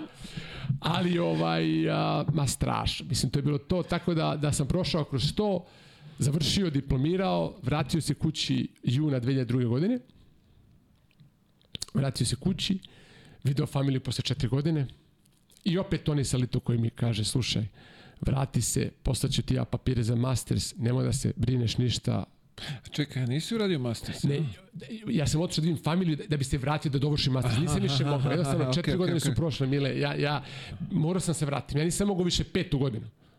Ja sam se vratio. I rekao sam, znaš šta, uzet ću rizije kako mi ne daju vizu da se vratim u zemlju. Jednostavno, došao sam do pojenta četiri godine, Da, više da, nisam da, mogao. da, da, da. Znaš, sve je okej, sve je to super, ali peta godina ja nisam mogao. I vratio sam se i poslali su mi papire, ali to je bilo 50-50 da li ću se vratim, odlazim u američku ambasadu, da li ću dobijem vizu da se vratim, i više nisam košarkaš, Da, sad sam da, običan da, student. Da, da, običan student, bravo. koji ima plaćen magisterij od Havaja, ali ja sam trebao da pokažem da imam dovoljno novca na računu da bi mi, da bi mi plaćeno da bi se to sve desilo. I ja dolazim kod kouča i, i opet ti kažem ljudi, šta su ti ljudi? Ja sam imao sreću da sam bio sa tako dobrim ljudima u životu. I on mi govori nemoj se brineš, daću ti ja moje sve bankovne račune, potpisat ću ja na tebe sve da budem, da budem ti ja sponsor i meni je trener pošto mora da se mituješ ti, da, da njima daš ambasadi, papire, sve to što treba da se radi. I on je meni bio sponsor, on je garantovao da će biti sve okej okay sa mnom i da ako bude, da ja nisam na trošku države, razumeš, da Dakle, neću dakle, tamo da... dakle, da. I ja sam to sve završio i, ovaj, i vratio sam se na magisteri i kad sam se vratio na magisteri ovaj, ušao sam u finansijski biznis. Već tad je to je bilo priča kako sam ušao i u avionu sam upoznao neke ljude kad sam se vraćao na Havaje. To, to je bio isto sudbina, znaš. Je, viš ti koliko sam puta čuo, na letu sam upoznao. Na letu. Ja na letu nikad nikog nisam upoznao, da, ja, ja, to je neverovatno. Ja sam leto upoznao. Nevjerojatno. U stvari ja možda i zakucam, zaspem, pa nemam vremena na ovaj, ne, ali to ono kao, je, upoznao sam na letu direktora ovdje. U stvari ne, možda to može da. u biznis klasi, ali na, na da. ovaj coach pa, teško. Znaš šta? Pazi, ja sam, a, vraćam se, imam, kad, kad odeš na petu godinu, ideš u školu, ali imaš godinu dana prakse. Znači, imaš godinu dana praksu gde možeš da radiš gde god hoćeš. Ozove se OPT, Optical Practical Training. Za ljude koji tamo studiraju znaju šta znači to. I ja dobijem taj OPT, ne, uvek sam hteo da budem entrepreneur, znaš, uvek sam hteo da radim nešto, nikad nisam hteo da radim za platu, hteo sam da buildujem neki biznis, da, da radim nešto, imao sam tu neku strast, Amerika je zemlja koja ti otvara toliko mogućnosti. I ja na letu za, za, za Havaje, to je bio, pazi, 16 sati let, ne znam koliko si ti putovao puta, ali to je, to je ono, majstor je dan i po da dođeš na Havaje. Pazi, to su, to su, to je strašno.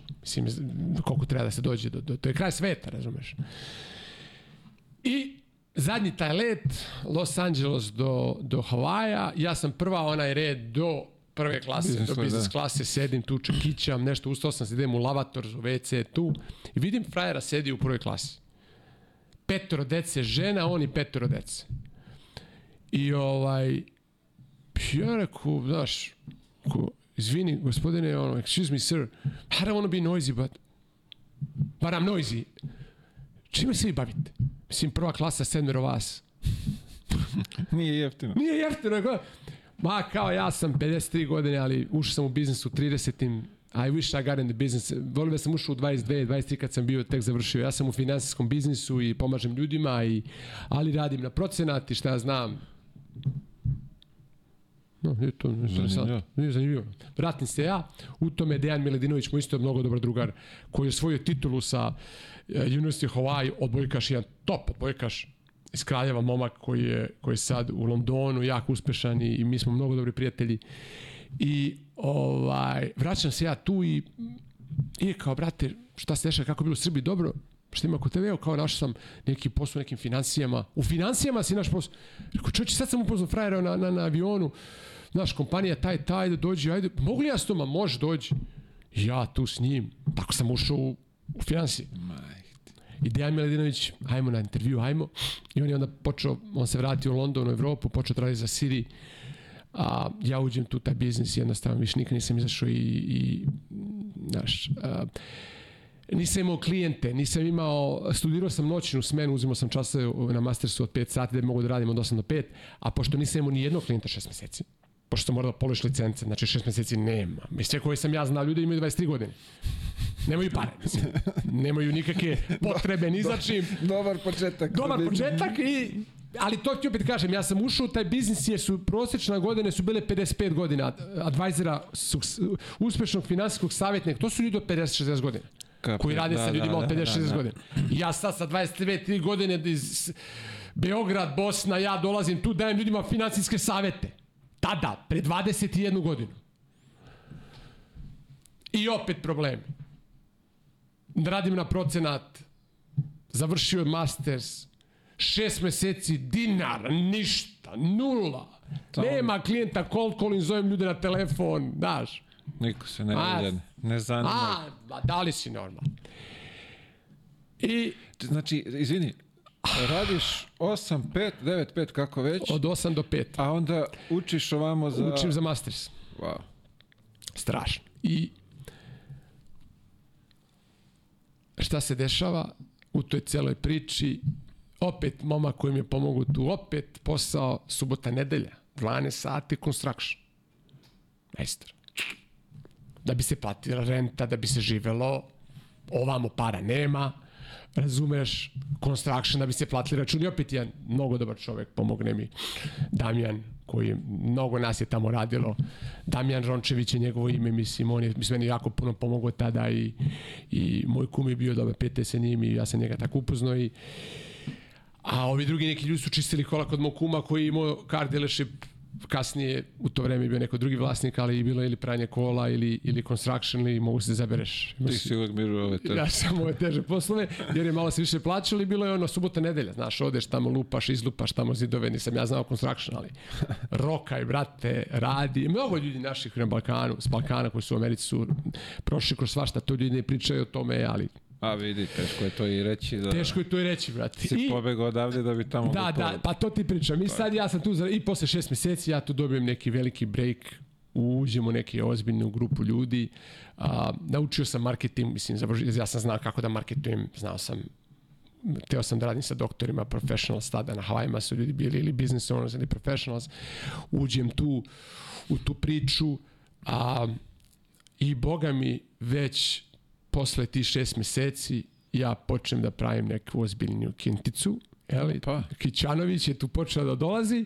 U tom moja žena sadašnja isto tako odluči da dođe, da počeli smo živimo zajedno. Marija, koja, koja je bila jedna osoba koja je meni e, ka, da, da pomogla za sve što sam postigao. Naši ljudi ne pričaju o tome dosta, ali, ali dosta smo prošli zajedno kroz to, digli se zajedno i ovaj e, mislim da iza svakog nekog čoveka stoji uspešna a, žena i, i, i, i to je nešto opet vraćamo se na te odnose s ljudima brat, sestra, žena, deca stric, rodici, prijatelji mislim, rodiče, mislim da je to jako bitno i, i ovaj ti odnosi moji koji sam ja imao u životu opet su mi mnogo pomogli da mogu da se fokusiram da, da, da napravim u životu najbolje što mogu da uradim.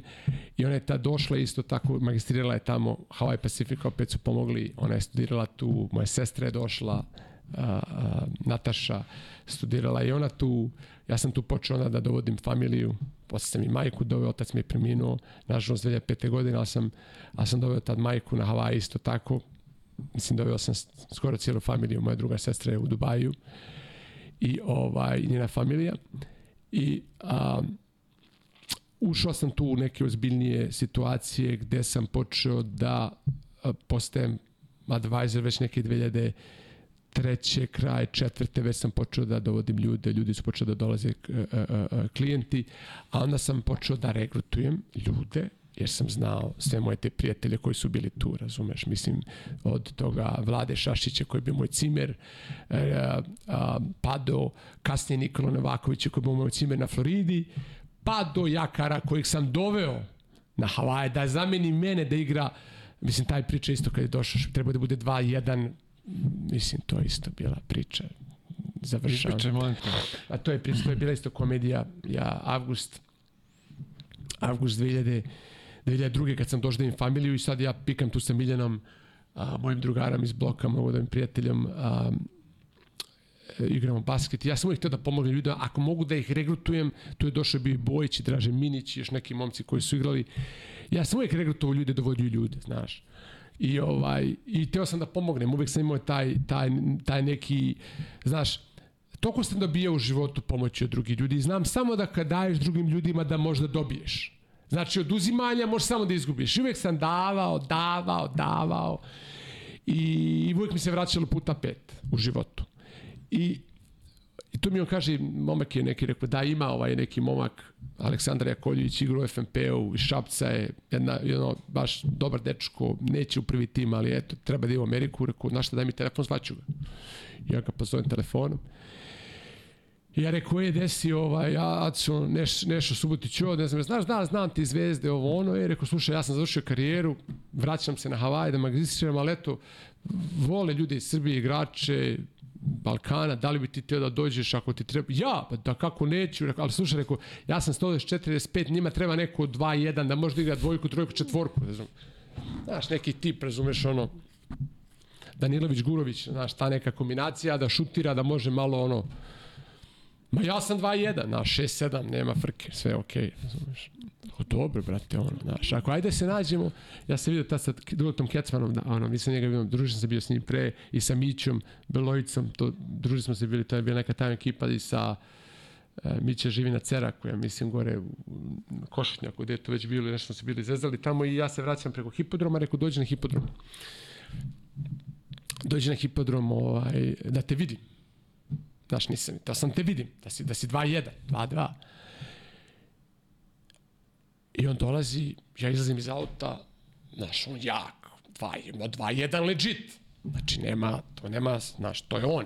To je to, ako majstore, ti si to ruka, šaljem ti scholarship sledeće nedelje, dovodimo te na Havaje. Ko, brate, si ozbiljan? Završen. Ja se vraćam Toni Selito, rekao, brate, našao sam ti zamenika, vrh, nema dalje. I, brate, ja ga kupim na aerodromu, nedelju dana prošlo, ja kupim na aerodromu, on čovjek izlazi moje visine. U Starkama. Ako čekaj, brate, bio si 2-1, sad si 194. Misli, šta se desilo, se smanjio avionu? Brate, teo si mi na 6-7, bio sam 2-1. Teo sam da dođem, jebi ga, stao sam kad si me, na hipom, ja sam našao neko izbučenje u betonu, stao sam, nisam se pomerao, samo sam bio ono, na, ko brate, nisi normalan, idemo u 7-Eleven, stavljam ti vatu unutra, ti mora da bude sutra 2-1 kad te trener vidi. Ja. Ko brate, bić, to je bio show, onda dolazi, on dolazi ovaj, na trening, stavljamo vatu u cipele, razumeš, i on je 2-1, naš, on, on, i ko brate, jaki, dobro, i sve to vremeno on se smanjio, ali znaš, taj prvi utisak, Kad si ti? Najvažniji Najvažniji ti prvi Posle baš šta je bilo, ma nešto, kičma, ovo, malo u, useklo ga je. Ali on, znaš, znaš, to su, to su, to su, to, ali pazi, ali, a to je, on je sad sa mnom jedan od najspešnijih, ne samo u Vespeku, on je jedan od najspešnijih u Americi, razumeš, ljudi u ovom biznisu na Forbesovoj listi je i, i ali hoću ti kažem, kad imaš takav drive, kao što on imao drive da dođeš tu, Razumeš, ili vlada koji je došao iz... Vidi, iz takav drive ili guraj sve što treba u patike sve što samo treba da... guraj samo da dođem, znaš, to je, ta, to je taj... Uh, I mi smo tu bondovali, bili prijatelji i normalno kad sam ja krenuo Vespek, on je završio tamo školovanje, ja sam odmah njega regrutovao. E, ovo mi reci, kako ti odlučuješ napuštaš tu firmu Napuštam tako? tu firmu 2007. godine. Ja sam počeo već da regratujem ljude u tu firmu, ali jednostavno ta firma, ja sam te da svoju firmu, jer sam vidio da ta firma nije imala te vrednosti koje ja želim da imam. Ja sam mm -hmm. teo da, se, da, da radim sa sportistima, sa business ownerima, sa professional ljudima. Ja nisam teo da radim sa retirement people, ljudi koji su u penzijama. Da, što da, nije da, bio da, moj da. moto i imao sam neku veću viziju. Nema leba da jednostavno sam teo da pomažem ljudima nekima kojima, znaš kako, a, assets under management, wealth management je biznis u Americi. Ja, ja ljudi ste to finansijsko planiranje savjetovanje, ali, ali stvarno, što sam ja shvatio da, da je u stvari, moj biznis je income under management. Moj biznis su ljudi koji pravi novac. Ja njima mogu da pomognem. Wealth management je commodity, mislim, to je, ljudima trebaju pomoć na taksama, na transferu biznisa, kako da se sve minimize, kako da, ja sam jednostavno teo da radim nešto više kompleksnije. I nešto što će biti planning, nešto što će da kreira value ljudima. A ne, ti možeš da kupiš investicije preko interneta. Mislim, malo smo nešto neke stvari videli danas. A ti možeš preko interneta, ja neću da budem commodity, jel? Tako da, Uh, hteo sam da budem neko ko će da bude konsultant, da krene neku drugu priču i to je tako i bilo na kraju. Ali ovaj, 2007. sam odlučio da, da osnovim svoju kompaniju i tu je bio momak koji je prešao sa mnom, Marko, odma i koji je isto tako bio jedan dečko koji je bio mnogo, mnogo važan u ovom growthu ove kompanije. Marko Mijušković iz Užica kojeg sam znao sa koleđa, koji, koji upoznao sam se na, na, na univerzitetu. I ovaj, Uh, on je izvini, se... samo, izvini što te prekidam, još ovo sad kad kažeš, ovo me zanima, ti otvaraš uh, kompaniju tamo, ti nemaš njihove papire? Ne, ja sam tu, uh, uh, kompanija aplicirala bila za papire, ja sam već sve papire bio. A, okej. Okay. To je bilo okay, završeno. Okay. Jer sam ja aplicirao za radnu dozvolu, pa na papiri to je sve završeno. Aha, Zelena aha, karta, aha, to, je, to, je, to je bilo uređeno. Bravo, bravo, bravo, okej. Okay. Sad mi, mislim, jasnije nego rekao proces, kako otvaraš firmu, vamo, U tom procesu, da. ja sam pet godina već radio za firmu. Da, da, da. I to je da, bilo da, završeno. I onda, ovaj, 2007. odlučujem se na taj korak, iako sam bio već, pazi, ja sam već tu počeo da imam, imao sam 20 ljudi u, u mojoj grupi, mi smo radili ozbiljan biznis, a, ja sam tu počeo da regrutujem ljude, e, kupi sam prvi stan, naš, vidi ga Nešo, 24 godine, kako vamo construction, groundskeeper, šta se dešava, razume? Prvi stan, pa se 2005. kupi drugi stan, od tog biznisa sve normalno, mislim, bilo je sve to dobro, i onda sam ja otišao nekom gde sam ja shvatio da, da, da, da ja mislim da možda napravim tu priču mnogo većom. Imao sam veliki, veliki drive, veliko vođstvo. To ja sam da uradim velike stvari. Mislim da kad odeš u Ameriku, kad vidiš šta je moguće, znaš, ja, ja, ja sam znao da ću da izdominiram ljudima koji nisu imali moje iskustva životna. Rat, Beograd, kriza, četiri godine ideš kući, poslovi, ovo, ono, ajkule, adaptacija, emocionalna inteligencija. Ja sam znao da oni nisu, ne, ne, oni nemaju to životno iskustvo koje sam ja imao i oni nisu imali to vođstvo, to, tu glad, Ja sam znao da će to da bude velika priča. Samo sam isto tako imao sreću da su ti ljudi koji su verovali u mene, koji su došli u tu moju priču sa mnom zajedno da pomogu da se to digne, da su isto tako verovali u mene i kad se ta priča digla neki nivo, onda pa bilo lakše, svi dolazili i kompanija otišla 270 ljudi za njih 15 godina, ali a, ta moja vizija jednostavno je, je, je pokazala se kao tačna i ja sam znao da, da, da taj težak rad, taj radne navike koji sam ja imao, taj, taj grind, ta želja za uspehom i, i opet ti kažem, znaš, baš sam pričao s jednim reprezentativcom velikim, sad u Kaliforniji smo bili, i ovaj i neki drugi moji drugari isto kažu pa bolje ti da nisi postao igrač. Mislim i činjenica naš kako bi sve ostale stvari mislim da sam igrao tu neku Evroligu i šta ja znam što sam teo da igram. Znao sam da nikad neću igrati NBA to mi nije palo na pamet ali ali mislim da je to isto mene guralo znaš, da radim neke stvari da otvaram biznise da uzimam rizike da da ovaj. Vidi, to je veoma bitno, uh, hoću ti kažem, uh, veoma bitno da ti sa toliko godina prepoznaš da, ok, u basketu neću biti dobar, da. idem radim neke druge stvari. Da. Imali smo ovde priču uh, Radite Džambića koji je da. on da, jedini imao šansu da igra košarku od svih završio je karijeru ovo je direktor banke ovo je da. vamo tamo kaže ja ono stojim kao gde sam ja u ovoj priči da ne to što slušao sam radite svi su klasići sa, sa, sa koleđa upravo to znaš e,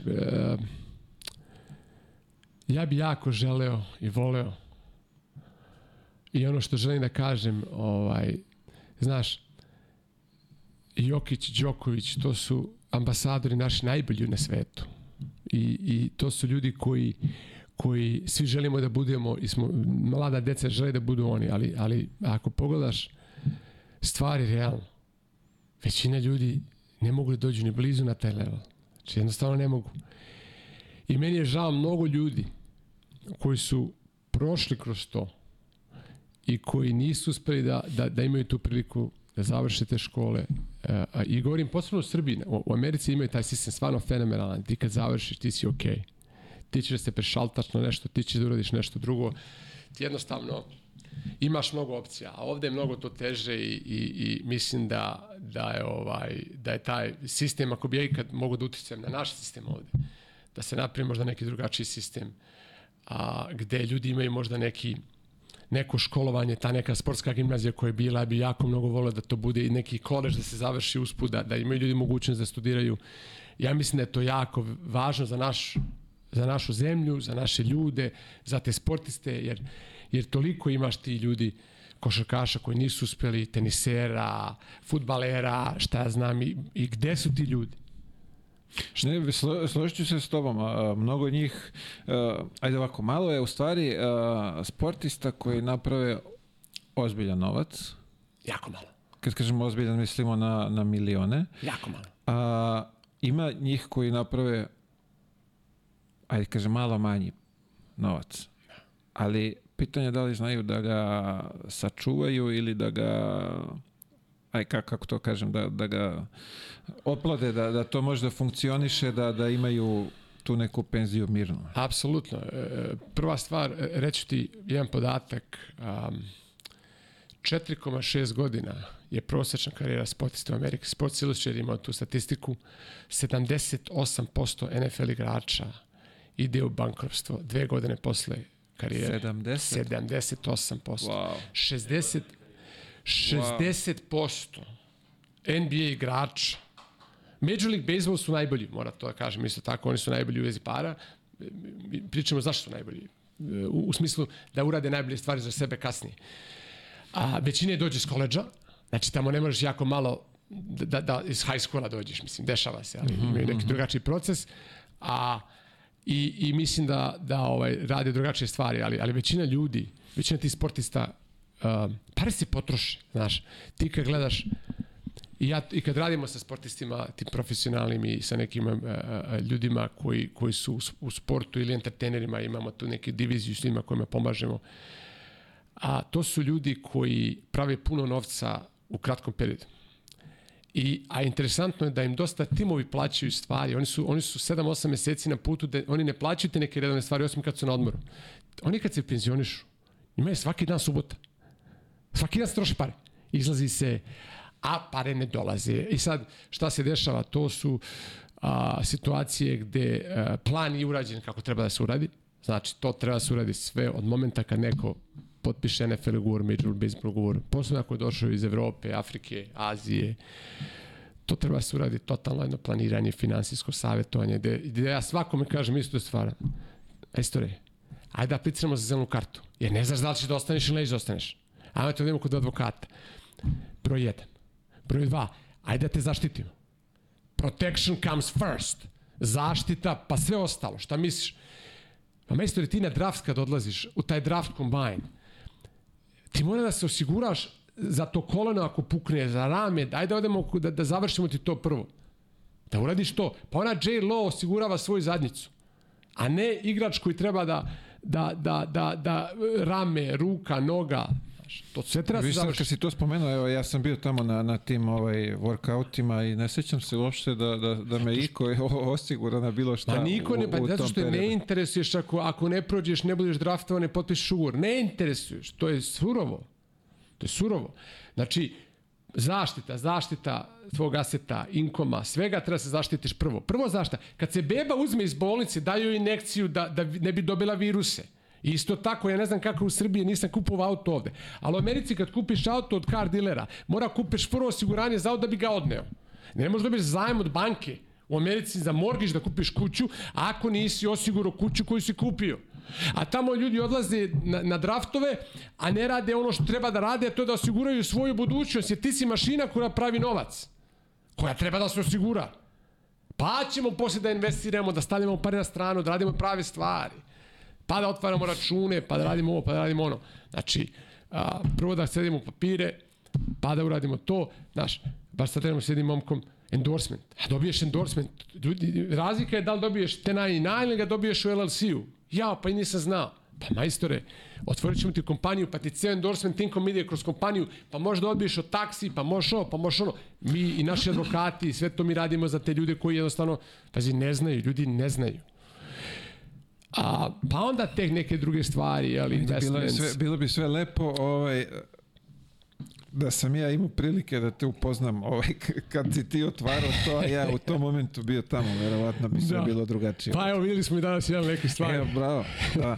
I što je, ovaj, verujem da ima još mnogo ovaj, kolega koji su bili tamo, a nemaju pojma ovaj, o tom penzionom planu. Tako je, tako što je, si pa- mi danas pokazao i kako Da. to sve izgleda, tako da u minusu sam nekih Da, ali evo, mislim, da. pa izabrali smo, pazi, Šta smo a- a- a- Koliko je- ako koliko hoćeš je- da podelim 1% si imao za 12 godina Tako u je, najvećem da. marketu svetskom, ti si imao 1% jer nisi znao da su stvari tamo onda kad sam ti pokazao šta je bilo u zadnjih 13 godina, umjesto to imao bi 4 do 5 puta više, ali opet ti kažem, to je... Dobro, da, vidiš, to je školica. I to je škola. Pa sve se uči. Znaš, onda, e, zašto oni idu bankrupt? Zato što ne stave pare na stranu, luduju sa parama, imaju celu ekipu ljudi koji ih prate, a, a, troše se pare. Vidio se od Jay Moranta, ovo što se dešava u Memphisu, Da. sad je dečko, dečko ovaj, suspendovan na 25 utakmica, to se odlazi po strip klubovima, to se bacaju pare, to se, to su, naš, posle kupuje ovo, kupi ono, naš.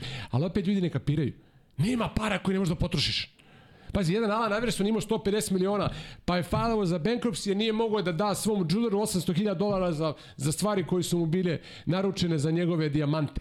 Razumeš, čovjek nije mogao da plati 800.000 posle 150 miliona dolara karijere.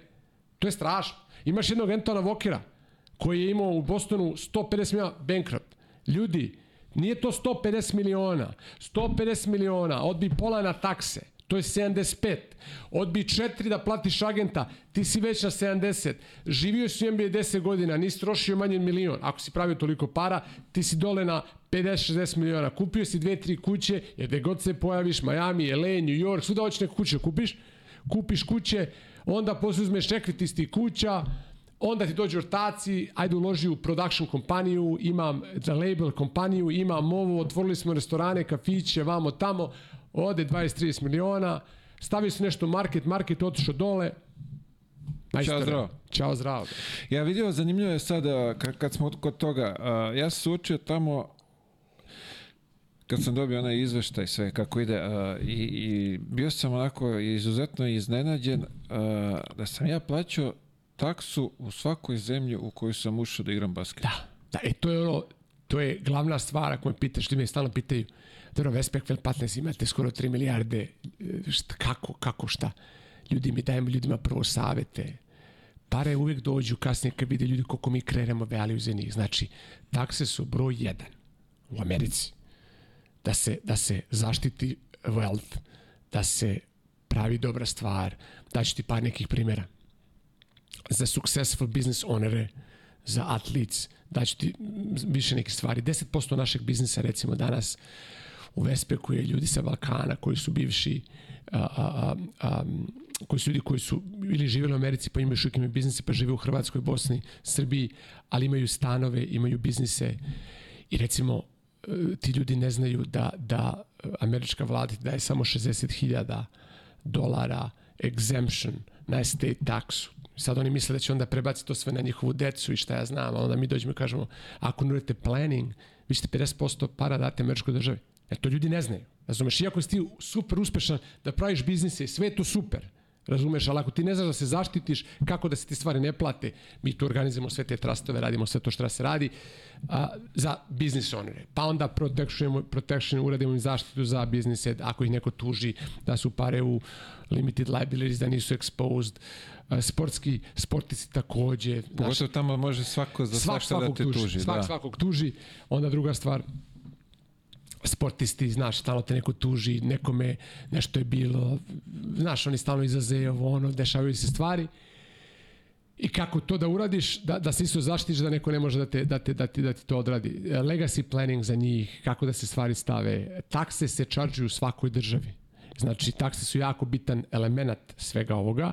Mislim, ko nije upućen ovako, samo ukratko, uh, u NBA imaš 82 utakmice, tako tako je. 41 igraš na, Tako na, na strani. Znači, od te 41, lupam ako se iz zapadna obada, da. odeš u Teksas, šta Tako ima je. tamo, San Antonio, Tako znači to je koliko šest utakmica imaš Tako tamo i oni ti ugovor se deli uh, na 82 dela, Da. svaka utakmica nosi jedan deo. I Texas je još dobra država, ne plaćaš taksu u Texasu. Tako je, ali primjer sam uzeo Da. da. kao teksta, znači bukvalno ti od tih šest utakmica koji si zaradio pare, plaćaš u Tako. porez u Teksasu. federalnu taksu plus state taksu, znači federalna state plus ostale stvari koje dolaze uz to, Medicare, ovo ono što ja znam, socijalnu taksu i to, te ostale stvari, na kraju bude 50%, mislim, to je to, nema šta. A, u nekim državama kao Kalifornija 54, može bude i više. A, A imaš gore i za Kanadu, ko, Da. ko živi I- u Kanadi. Ili, ili ti dam recimo, ili ti dam recimo primjer uh, uh, tog kako ljudi naši sportisti recimo ne znaju ili imaš imamo neke primere nekih a, a, ljudi koji su recimo iz, iz Afrike, a, Evrope, Azije koji dolaze i igraju e, teniseri koji dolaze i igraju u Americi, znaš. I koji a, osvoje turnir ili, ili recimo a, dobiju a, ili golferi recimo ili dobiju recimo 100.000, 200.000 ček nešto su na, uradili na US Openu ili u nekom Cincinnati ili šta ja znam. I sad oni plate takse na sav taj novac. Jer ne znaju da su mogli da odbiju fizioterapeuta, trenera, ovog, onog, opet ti kažem, mi smo imali situaciju, mi vratili neki, pomogli ljudima kroz neke računovođe i neki ljudi koji se tim bave, majstore, ajde upoznamo sa ljudima koji ti to rade, da ti zaštite to, da, da se odbiju takse, da se ne plati takse na 100.000 koji si dobio, da se plati takse na na, na 50 ili 60, jer proporcionalno ti možeš da dedaktuješ, da odbiješ od taksi to što si platio, taj trošak, put, spavanje, ovo ono, Da, ljudi da, ne da, znaju. da, to, su, da, da. to su neke male stvari, ali, znaš, aj ti meni daj 30.000 dolara. Vrati meni. Pa Znaš, I onda ljudi kao, brate, baš si mi pomogao, ajde da vidimo što možemo da radimo dalje i tako to. Tako to ide. Sa biznis e, ljudima našim takođe. Znaš, ljudi dolaze s Balkana, otvaraju biznise po Čikagu, po Kaliforniji, po Majamiju, po Njujorku. Izuzetno uspešni ljudi. Nemoj, nemoj predstavu kako se kompanije otvaraju, jer to ti je kao šah. Znaš, otvaranje biznisa u Americi ti je kao da igraš šah. Ako ti je loše otvaranje, bit ćeš matiran na kraju. Ili ćete matirati, e, si platio puno taksi ili će napraviti neku grešku u koracima. Znaš, to mora se vodi dobro od samog početka, da se napravi dobar tim ljudi, da se to radi, tako da, da jednostavno mnogo sam strastven u vezi toga, mnogo, mnogo volim da radim sa e, i mi kao kompanija pomažemo dosta ljudi, 10% naše biznisa od sad ti ljudi sa Balkana koji imaju biznise, ja ću to da dignem na neki vratno, mi ćemo to da dignemo nas e, naši advajzori iz bivše Jugoslavije, pričao sam o njima, ja, Nikola Vlada, Aca, Marko, Nemanja, a, i, i, i još ti neki ljudi koji su tu, drugi Nemanja u Čikagu i, i ima nas baš jedna 15 momaka i devojaka tu koji radimo i mi hoćemo to da imamo neki, na neki drugi level, znaš, koji je, koji je iz Slavice, tu jedna devojka iz Banja Luke koji isto radi sa nama i dovodi dosta, dosta biznisa i um, ja mislim da možemo čak 20%, jer to je jedan veliki market. To je užasno veliki market, jer ti imaš tu 2 miliona ljudi, 2 do 3 miliona ljudi iz bivše Jugoslavije koji žive tamo, a iz, iz, e, e, e, Srba iz, bivš, iz, iz ex Jugoslavije Republike, plus imaš ljudi iz Hrvatske, Bosne, Crnogoraca, Makedona, Slovenaca, mislim da je ta grupa ljudi oko 10 miliona sve zajedno kada spojiš. 8 do 10. Tako da je tu veliki market i, i velike prilika da se pomogne ljudima da se uredi prava stvar. I opet se vraćamo na pravljenje pametnih odluka. Znaš, a, šta je pametna odluka? Pametna odluka je da, da se zaštitiš, da investiraš pametno, da imaš uvek exit strategiju, da ako imaš biznis, da prebaciš biznis kako treba se prebaci, da znaš kako se to radi, da imaš dobar tim ljudi. Isto tako, a, pametne odluke, kad, kad gledaš šta ja viđam stalno u, u Americi, ljudi znaju da naprave biznise, ljudi znaju da naprave pare, ali jako malo njih imaju taj full package da znaju i da naprave i da naprave dobar tim ljudi koji radi dobro zajedno. Jako malo ljudi radi taj ceo package zajedno. Isto tako, kad gledaš, znaš, mi imamo isto tu neku situaciju gde, gde ljudi imaju taj ego trip da oni znaju, ako su dobri u ovome, da znaju i ovo. Ja koristim tu frazu kad odeš kod zubara, ja sam sebi vadiš zube, ti zubar vadi zube. ko ti vadi zube? Ja, ja i to pitam. Ba ja mogu sam, ja ću ovaj. A isto, da, da. ja ne vodim sam svoje zube, meni zubar vadi zube, ako treba se vadi. Ja neko doktora, ne mogu sam sebi da operiš. Znaš, možda neko može, ali Vidi to opet, što kažeš, treba donositi prave odluke, ali to, treba biti informisan, treba jest, biti jest. edukovan za to. I mi ali tu, ako ne znaš, bar da znaš koga da pozoveš da, da pitaš Da, mi smo tu ono, bildovali, bildovali smo taj brand i taj, naš, taj Vespek 16 godina, kažete kasnije, mi smo, ono, mnogo sam srećan i ponosan na to da smo, Fortune Magazine nas je prozvao pre 4 godine broj 1, pazi, Fortune.com. Prozvali su nas broj 1 kompanija u svelom biznisu. Kompanija to work for in America Nama je Inc. magazin četiri godine za redom nas je proglasio top 5000 biznisa u Americi po rastu. Od svih kompanija. Wow. A imaš 5 miliona biznisa. Znači mi smo rasli, rasli, rasli. Ja sam ulagao u tu kompaniju, ja sam doveo ljude koji su bili mnogo pametniji od mene, koji su digli tu kompaniju na next level, jer ja sam vizionar, a oni su ljudi koji to stvarno rade, razumeš, koji su... Ja viš sad kad to ovaj, kažeš, baš veliki ti, ovaj, što bi se rekao, koji vode kompanije uvek e, naglase da, da pored njih su mnogo pametniji od njih. Mnogo pametniji od mene ljudi. Svi advisori koji rade sa mnom, većina top 20 ljudi su pametniji od mene i bolji su u tome što rade. Pazi, oni nisu vizionari bili, oni nisu, oni nisu mogli da vide nešto 10-15 godina, jer jednostavno većina ljudi nemaju viziju u životu, generalno govoreći a su jako pametni, školovani, dobri u tome što rade i ostalom, znaš, ti kad vidiš firmu, pa što će ti ljudi ako si ti bolji od njih? Pa tebi treba ljudi koji znaju bolje od tebe. Mislim, je, to, je, to, je, to je tako. I ja, ja sam te ljude nekako digu na neki level, ali su oni sami sebe digli na neki još veći level i onda sad pomažu da se diže firma na neki drugi level i mi regrutujemo stalno nove advajzore. Mi stalno dovodimo nove ljude u firmu. Ja sam stalno u recruiting modu, razumeš, zato što hoću da, da dignem kompaniju na, na ve, još veći level, hoću da odem na 10 milijardi, hoću na 20, hoću da radimo već više biznisa. Jer, pazi, ja hoću da pomažem ljudima, da radim prave stvari, ali hoću da rastem. Mene u životu interesuju da pomažem ljudima i da rastem. Jer, pazi, ti kad prestaneš da rasteš, u svakom smislu, znaš, juče, što sam ti rekao juče kad sam te vidio na konferenciji, što mnogo poštujem što si uradio, nisam znao da će se zadržiš 7 sati juče. Bio si 7 sati na konferenciji i ti si učio i ja sam učio. Znaš, nisam ja došao tamo da dam prezentaciju, nego sam ja učio isto neki drugi ljudi, neke druge stvari. Znaš, ja nisam ja, ti od sviju možda učiš nešto. Ja učim svaki dan. Jer ti kad dođeš, when you think you got, kad, kad ti dođeš na televo da sve naučio, posta, to je početak tvog kraja. Razumeš, da, da. ti stalno učiš. Bukvalno. I mene samo interesuje da se da rastemo, da pomažemo ljudima, da pravimo prave stvari, da making impact, ali da rastemo. I taj rast. Znaš, mene pitaju ljudi šta ti je gol u životu. Ja nemam broj. Meni je gol da pomažem ljudima da prave pametne odluke, meni je gol da rastem 22% svake godine. Minimum. Zašto? Ako rasteš 22%, ti dubluješ bilo koji biznis za 42 meseca. Mi smo Westpac dublovali od zadnjih 16 godina 8 puta. Tako odeš sa 0 na 270 ljudi. Ne odeš na 0 sa 270 ljudi tako što si razmišljao da imaš golove. Meni je gol growth. Jer pazi, rast je nešto što ti kad rasteš, ti rasteš u nedogled, infinity, nema broja, idemo dalje, rastemo i sve su to neke nerealne stvari, kad gledaš, znaš, sve, sve što napraviš u životu, znaš, a, a, opet se vraćamo na, na, na Đokovića, Jokića, sportistima koji, koji razumiju sport, znači, nerealno je, nerealno je da neko iz Srbije postane ono što su oni postali, ono je nerealno. Ali je realno kad pogledaš koliko su oni truda uložili u zemlji 20 godina postane to što su oni postali.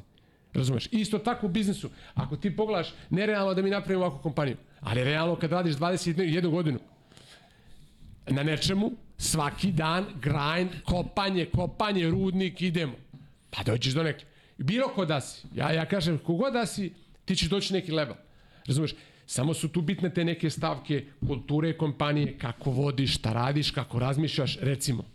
Znaš, najgora stvar što ja Ja kad vidim ego, egoizam, narcisoizam i te stvari među ljudima, to mene najviše, razumeš, to mene, to mene dovodi do ludila.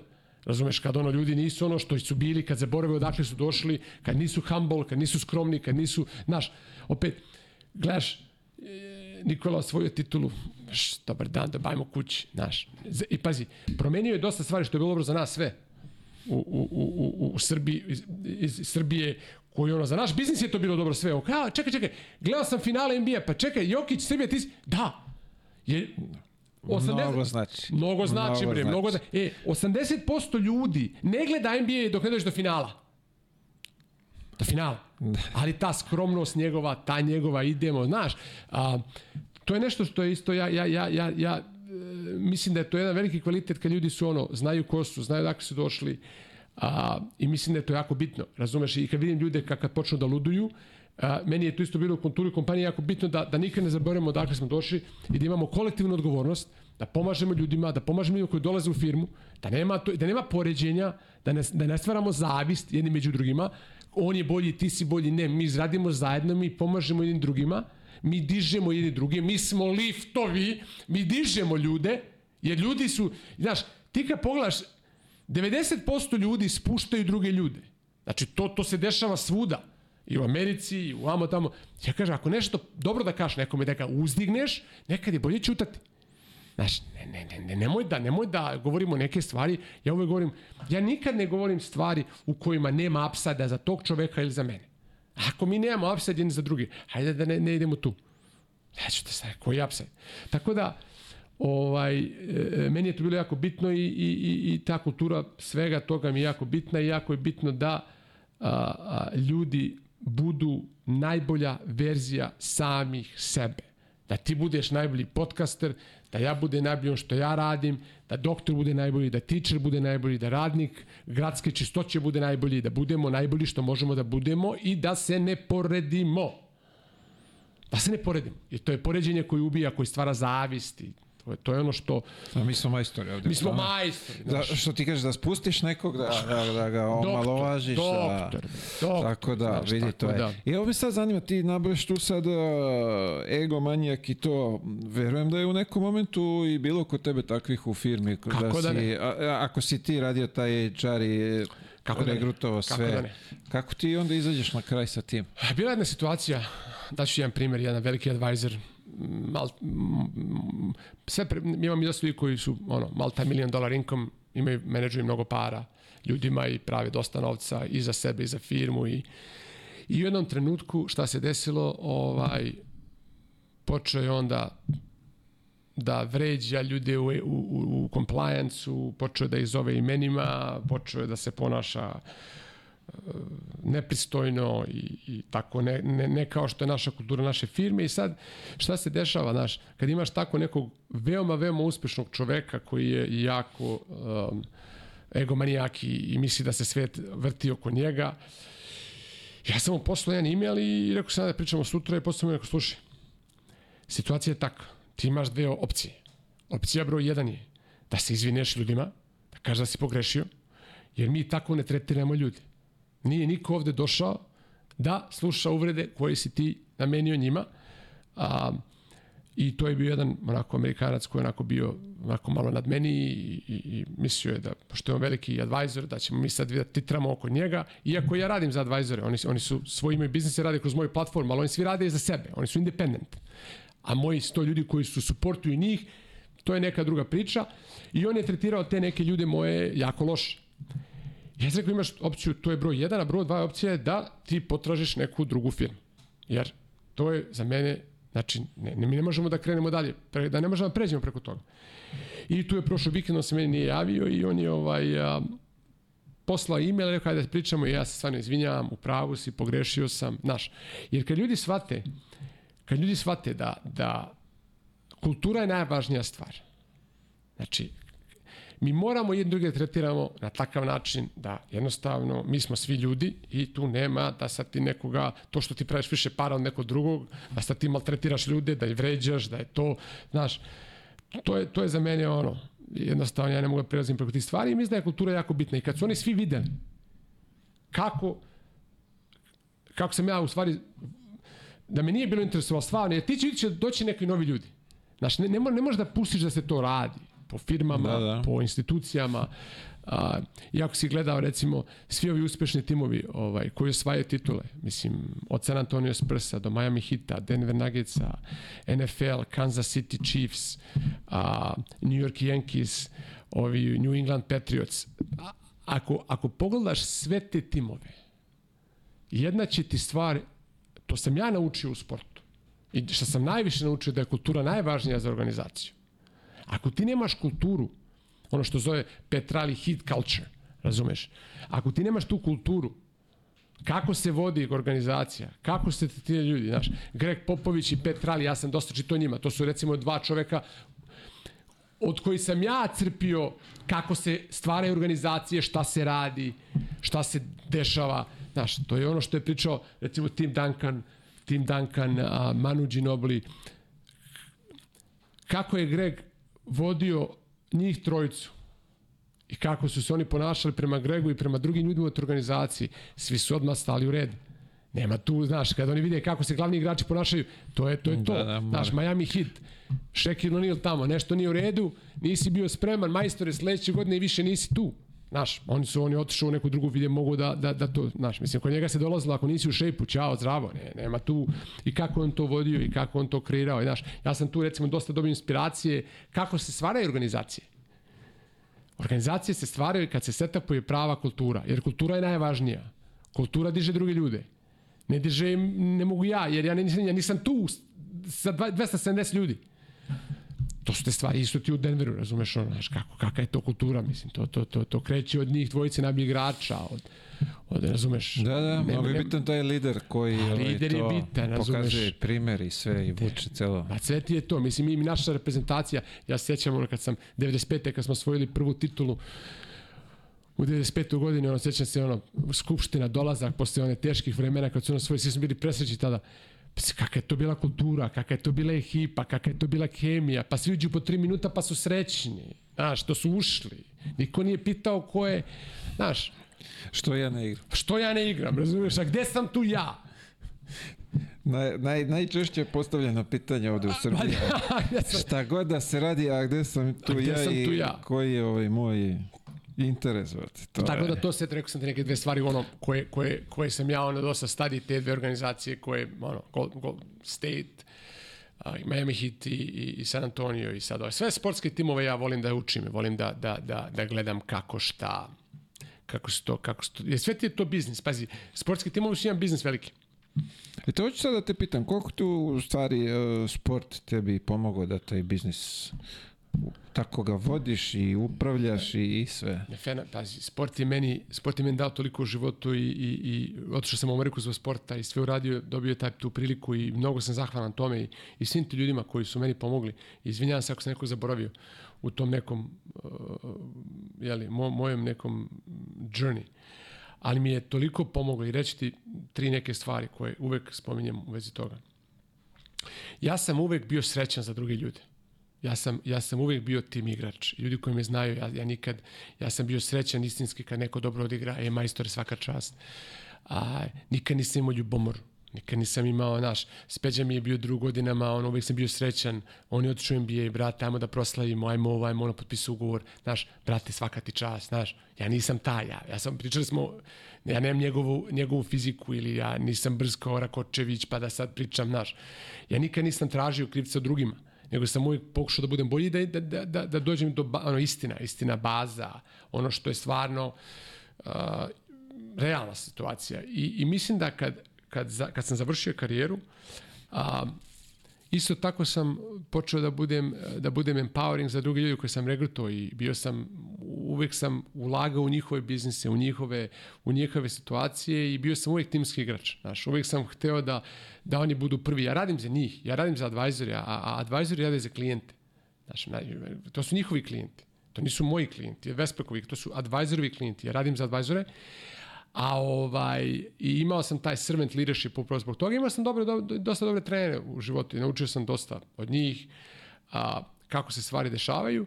I broj dva, naučio sam to u košarci, ovaj, a, poraz, pobeda, nemoj puno se dižeš, nemoj puno se spuštaš, stalno su promene. Naučio sam da budem u tom u toj situaciji da jednostavno ne padam puno kad je situacija loša. Normalno u biznisu je bilo teških dana i u početku tog biznisa nikad nije bilo sumnji da li će, da li će biznis da bude veliki i da će da napravimo što smo napravili kao organizacija. Ali je uvek bilo ovaj uvek je bila vera u sebe tu jer sam verovao u sebe kao u košarci da ću da, da, da dođem dok sam došao i onda sam prebacio to na biznis. Ali mislim da, da sam naučio da radim sa ljudima. Znaš, ovo je timski sport, biznis je timski sport.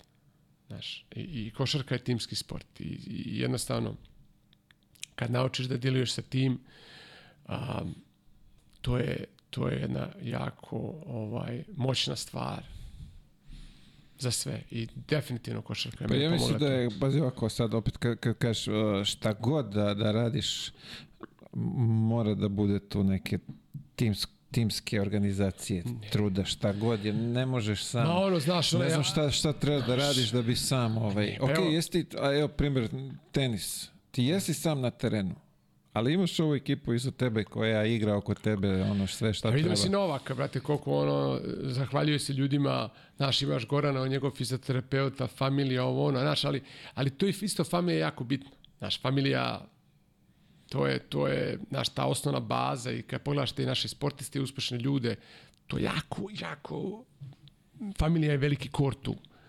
Da, da, da ne poludiš, da ne odeš u neki drugi, um, u neku drugu sferu, Da, da, da. da, da, da, te oni te nekako uvijek te ground. A, tako da je definitivno ima taj Afrikan proverb što kaže a, sam ideš ja, jako brzo, sa drugim ljudima ideš jako daleko. Bravo. Znaš, to je, to je ono što ja uvek pričam o tome i to je, to je, to je njihova poslovica jako velika i stalno je, i sve je tim, sve je tim, znaš. I ti opet kažeš kad se titule osvajaju i ti pravi lideri, ti pravi ljudi uvek daju kredit drugim ljudima. Znaš, ti nikada, znaš, ti nikada nisi nešto osvojio i sad ideš gore i lupaš se po grudima kako si, znaš, mislim, ti si osvojio zbog drugih ljudi koji su isto tako žrtvovali na tom timu, koji su, koji su dali to što su dali jednostavno ovaj, mislim da je, to, da je to jako bitno. I ako vidiš te sve dinastije, opet, mislim da će Denver da bude sad dinastija, ja se nadam iskreno, jer, jer imaju jako dobru ekipu, ali evo kad gledaš Golden State koja je bila neka dinastija, znaš, tu imaš Steph Curry i Kleja i ove neke druge ljude, to oni, oni, oni igraju jedni za druge, to je, znaš, Kevin Durant, egomanija, kod nas su ga izbacili, znaš, mislim, ne, ne, ne, ne može, nije, nije, nije to bio to. Znaš, to, to se u organizaciji jako vrlo brzo prepozna te ljude i, i ko možda fituje tu, ko ne možda fituje tu i, I mislim da je u biznisu isto tako. Treba, samo treba da kultura to prepozna. Da prepozna. Treba kultura da, da ovaj, to uradi i ta kultura dođe. To sve dođe na, na, na površinu. Razumeš? To ne može da se sakrije. Možda ti bude trebalo, ajde kažemo, do godinu dana ti stvarno provališ nekoga šta je tu. Znaš, šta je tu stvarno izda, da li, da li su to neki, neke druge stvari.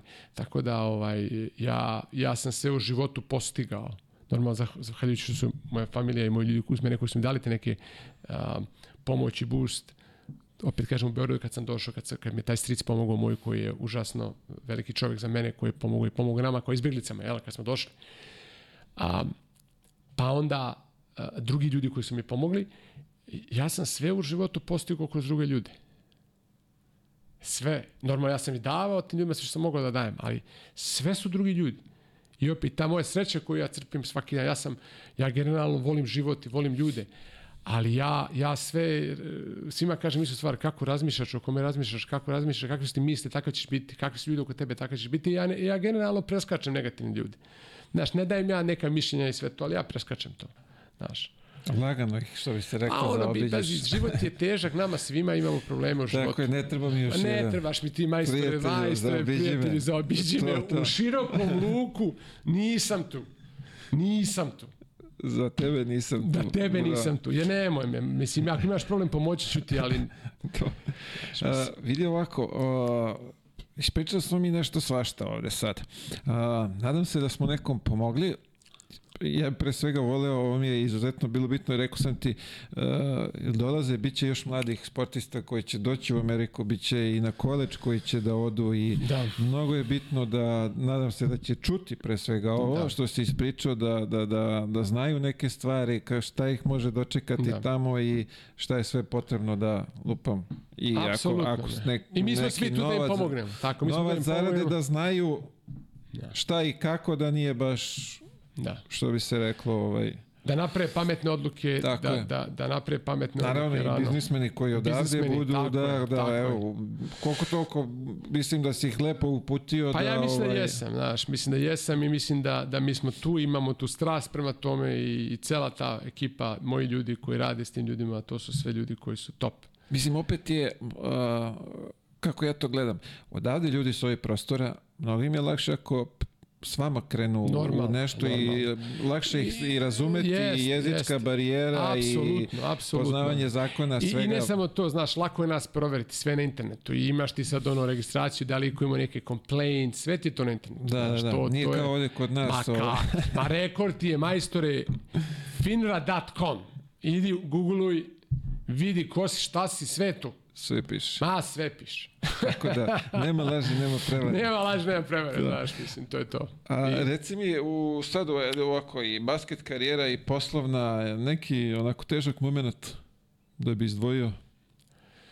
Um, znaš šta, ja bih rekao, moment je bio meni bar najteži, spomenuo sam te momente kad sam krenuo ovaj biznis pre 21 godinu, kad sam radio te neke stvari koje su bile ono, wow, znaš, kad nisam imao inkoma, kad nije bilo klijenata, to je bilo jako teško. I drugi težak moment je bio isto kad sam kretao u biznis, znaš. Kad sam kretao u biznis, tih prvih šest meseci je bilo, znaš, bilo je jako teško.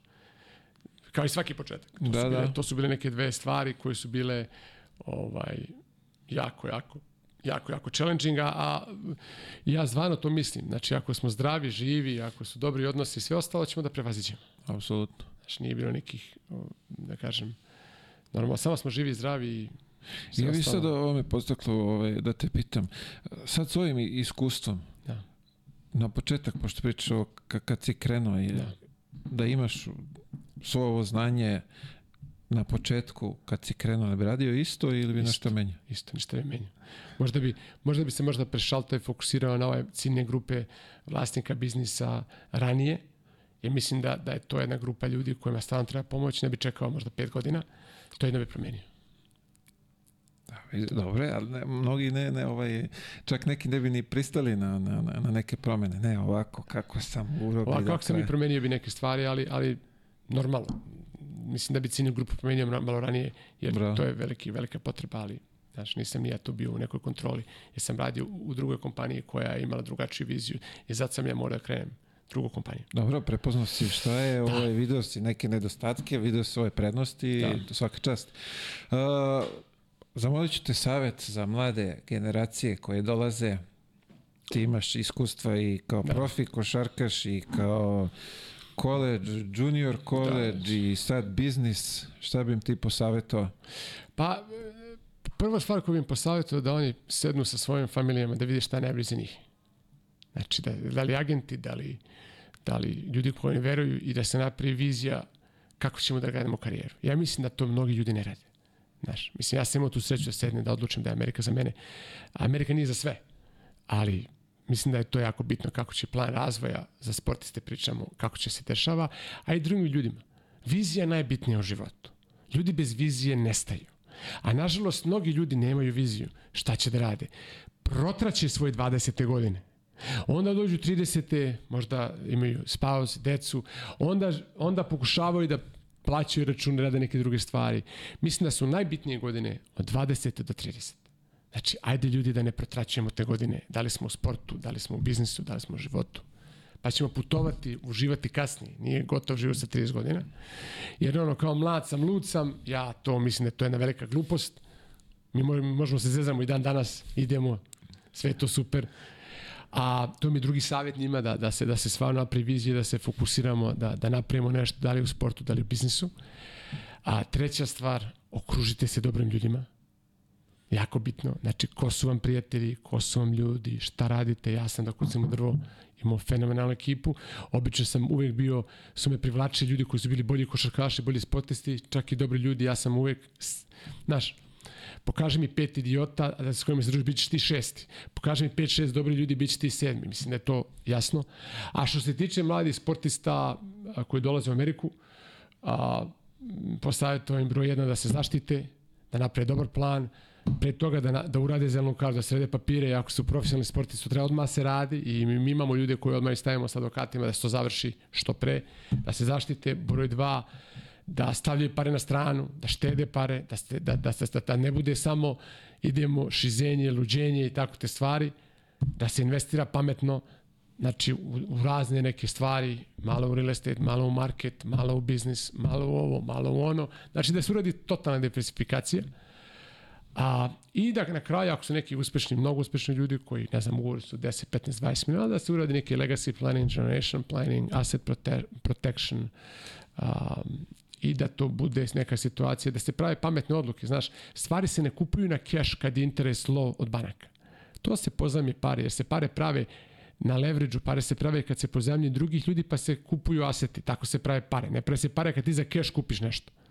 Jer kad pozajmiš pare od nekoga i platiš 3% banci, a vamo praviš a, na drugim parama 7, ti praviš 4. Zato ti banka daje 0,5, a po, pozajmljuje tvoje pare 10 drugi ljudi.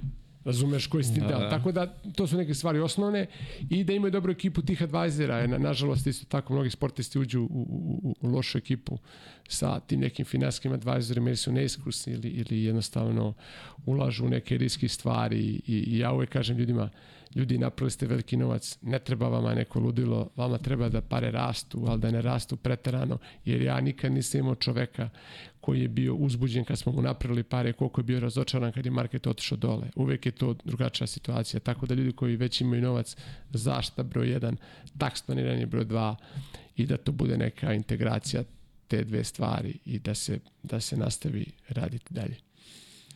Nešo, lepo si ti sve rekao njihove da poslušaju ako žele, ako imaju razumevanje, ako imaju viziju, što ti kažeš. Vizija je sve. Saopštio si im sve lepo, da, sve do njih lepo. je sad. Sve lepo i besplatno. Eto vidiš, da. da. I ovako, imamo ovde ovaj, uh, loptu kao što vidiš išarane sa svim potpisima, skupljamo potpise, uh, u nekom momentu daćemo loptu na aukciju, da probamo da skupimo neki novac da bi donirali nekom ko bude, kome bude potrebno. Tako da ćete zamoliti da, ovaj, da nam se potpišeš tu. Sa zadovoljstvom. I želim da doniram isto ovom momku, detetu, mislim da je to sjajna stvar što radiš. Vidi, to je najmanje što možda uradimo ovde ovaj, od nas, ali ako bi svi podržali ovaj, daleko, to bi daleko bolje bilo. I ovako, ovdje imamo i od Mativa, Matijaševića, ovaj, naših prijatelja, Rock and Rose. Bravo, Rose, bravo. Tako je. Za ove letnje vruće dane. Tako je, bravo. To nam je, to nam Da. je ovaj, Top. poenta da Ja se inače volim raskladi, vina, baš si me našao, vidiš, volim vina, Da, da. se raskladiš, da Hoću. raskladiš vino i da uživaš sa suprugom dok ste ovde. Hoću. Ovaj, to je to. Još jednom hvala ti mnogo Hvala te, na divnim savjetima, na svemu ovo što smo i ja sam naučio nešto ovaj, iz ovog razgovora i družeći se s tobom ovih par dana, tako da veliko ti hvala, želim ti pre svega poslovno svako dobro, privatno takođe. I tebi Pa takođe da, da budeš, ko što već i jesi, jedan od najvećih, ne samo u Srbiji, ba i od najvećih podcastera u Evropi. Ako ti tako kažeš, neka bude, složit će se. Hvala ti puno, hvala i vama, dragi prijatelji i gledalci. Vidimo se već sledeće srede. Pozdrav i svako dobro.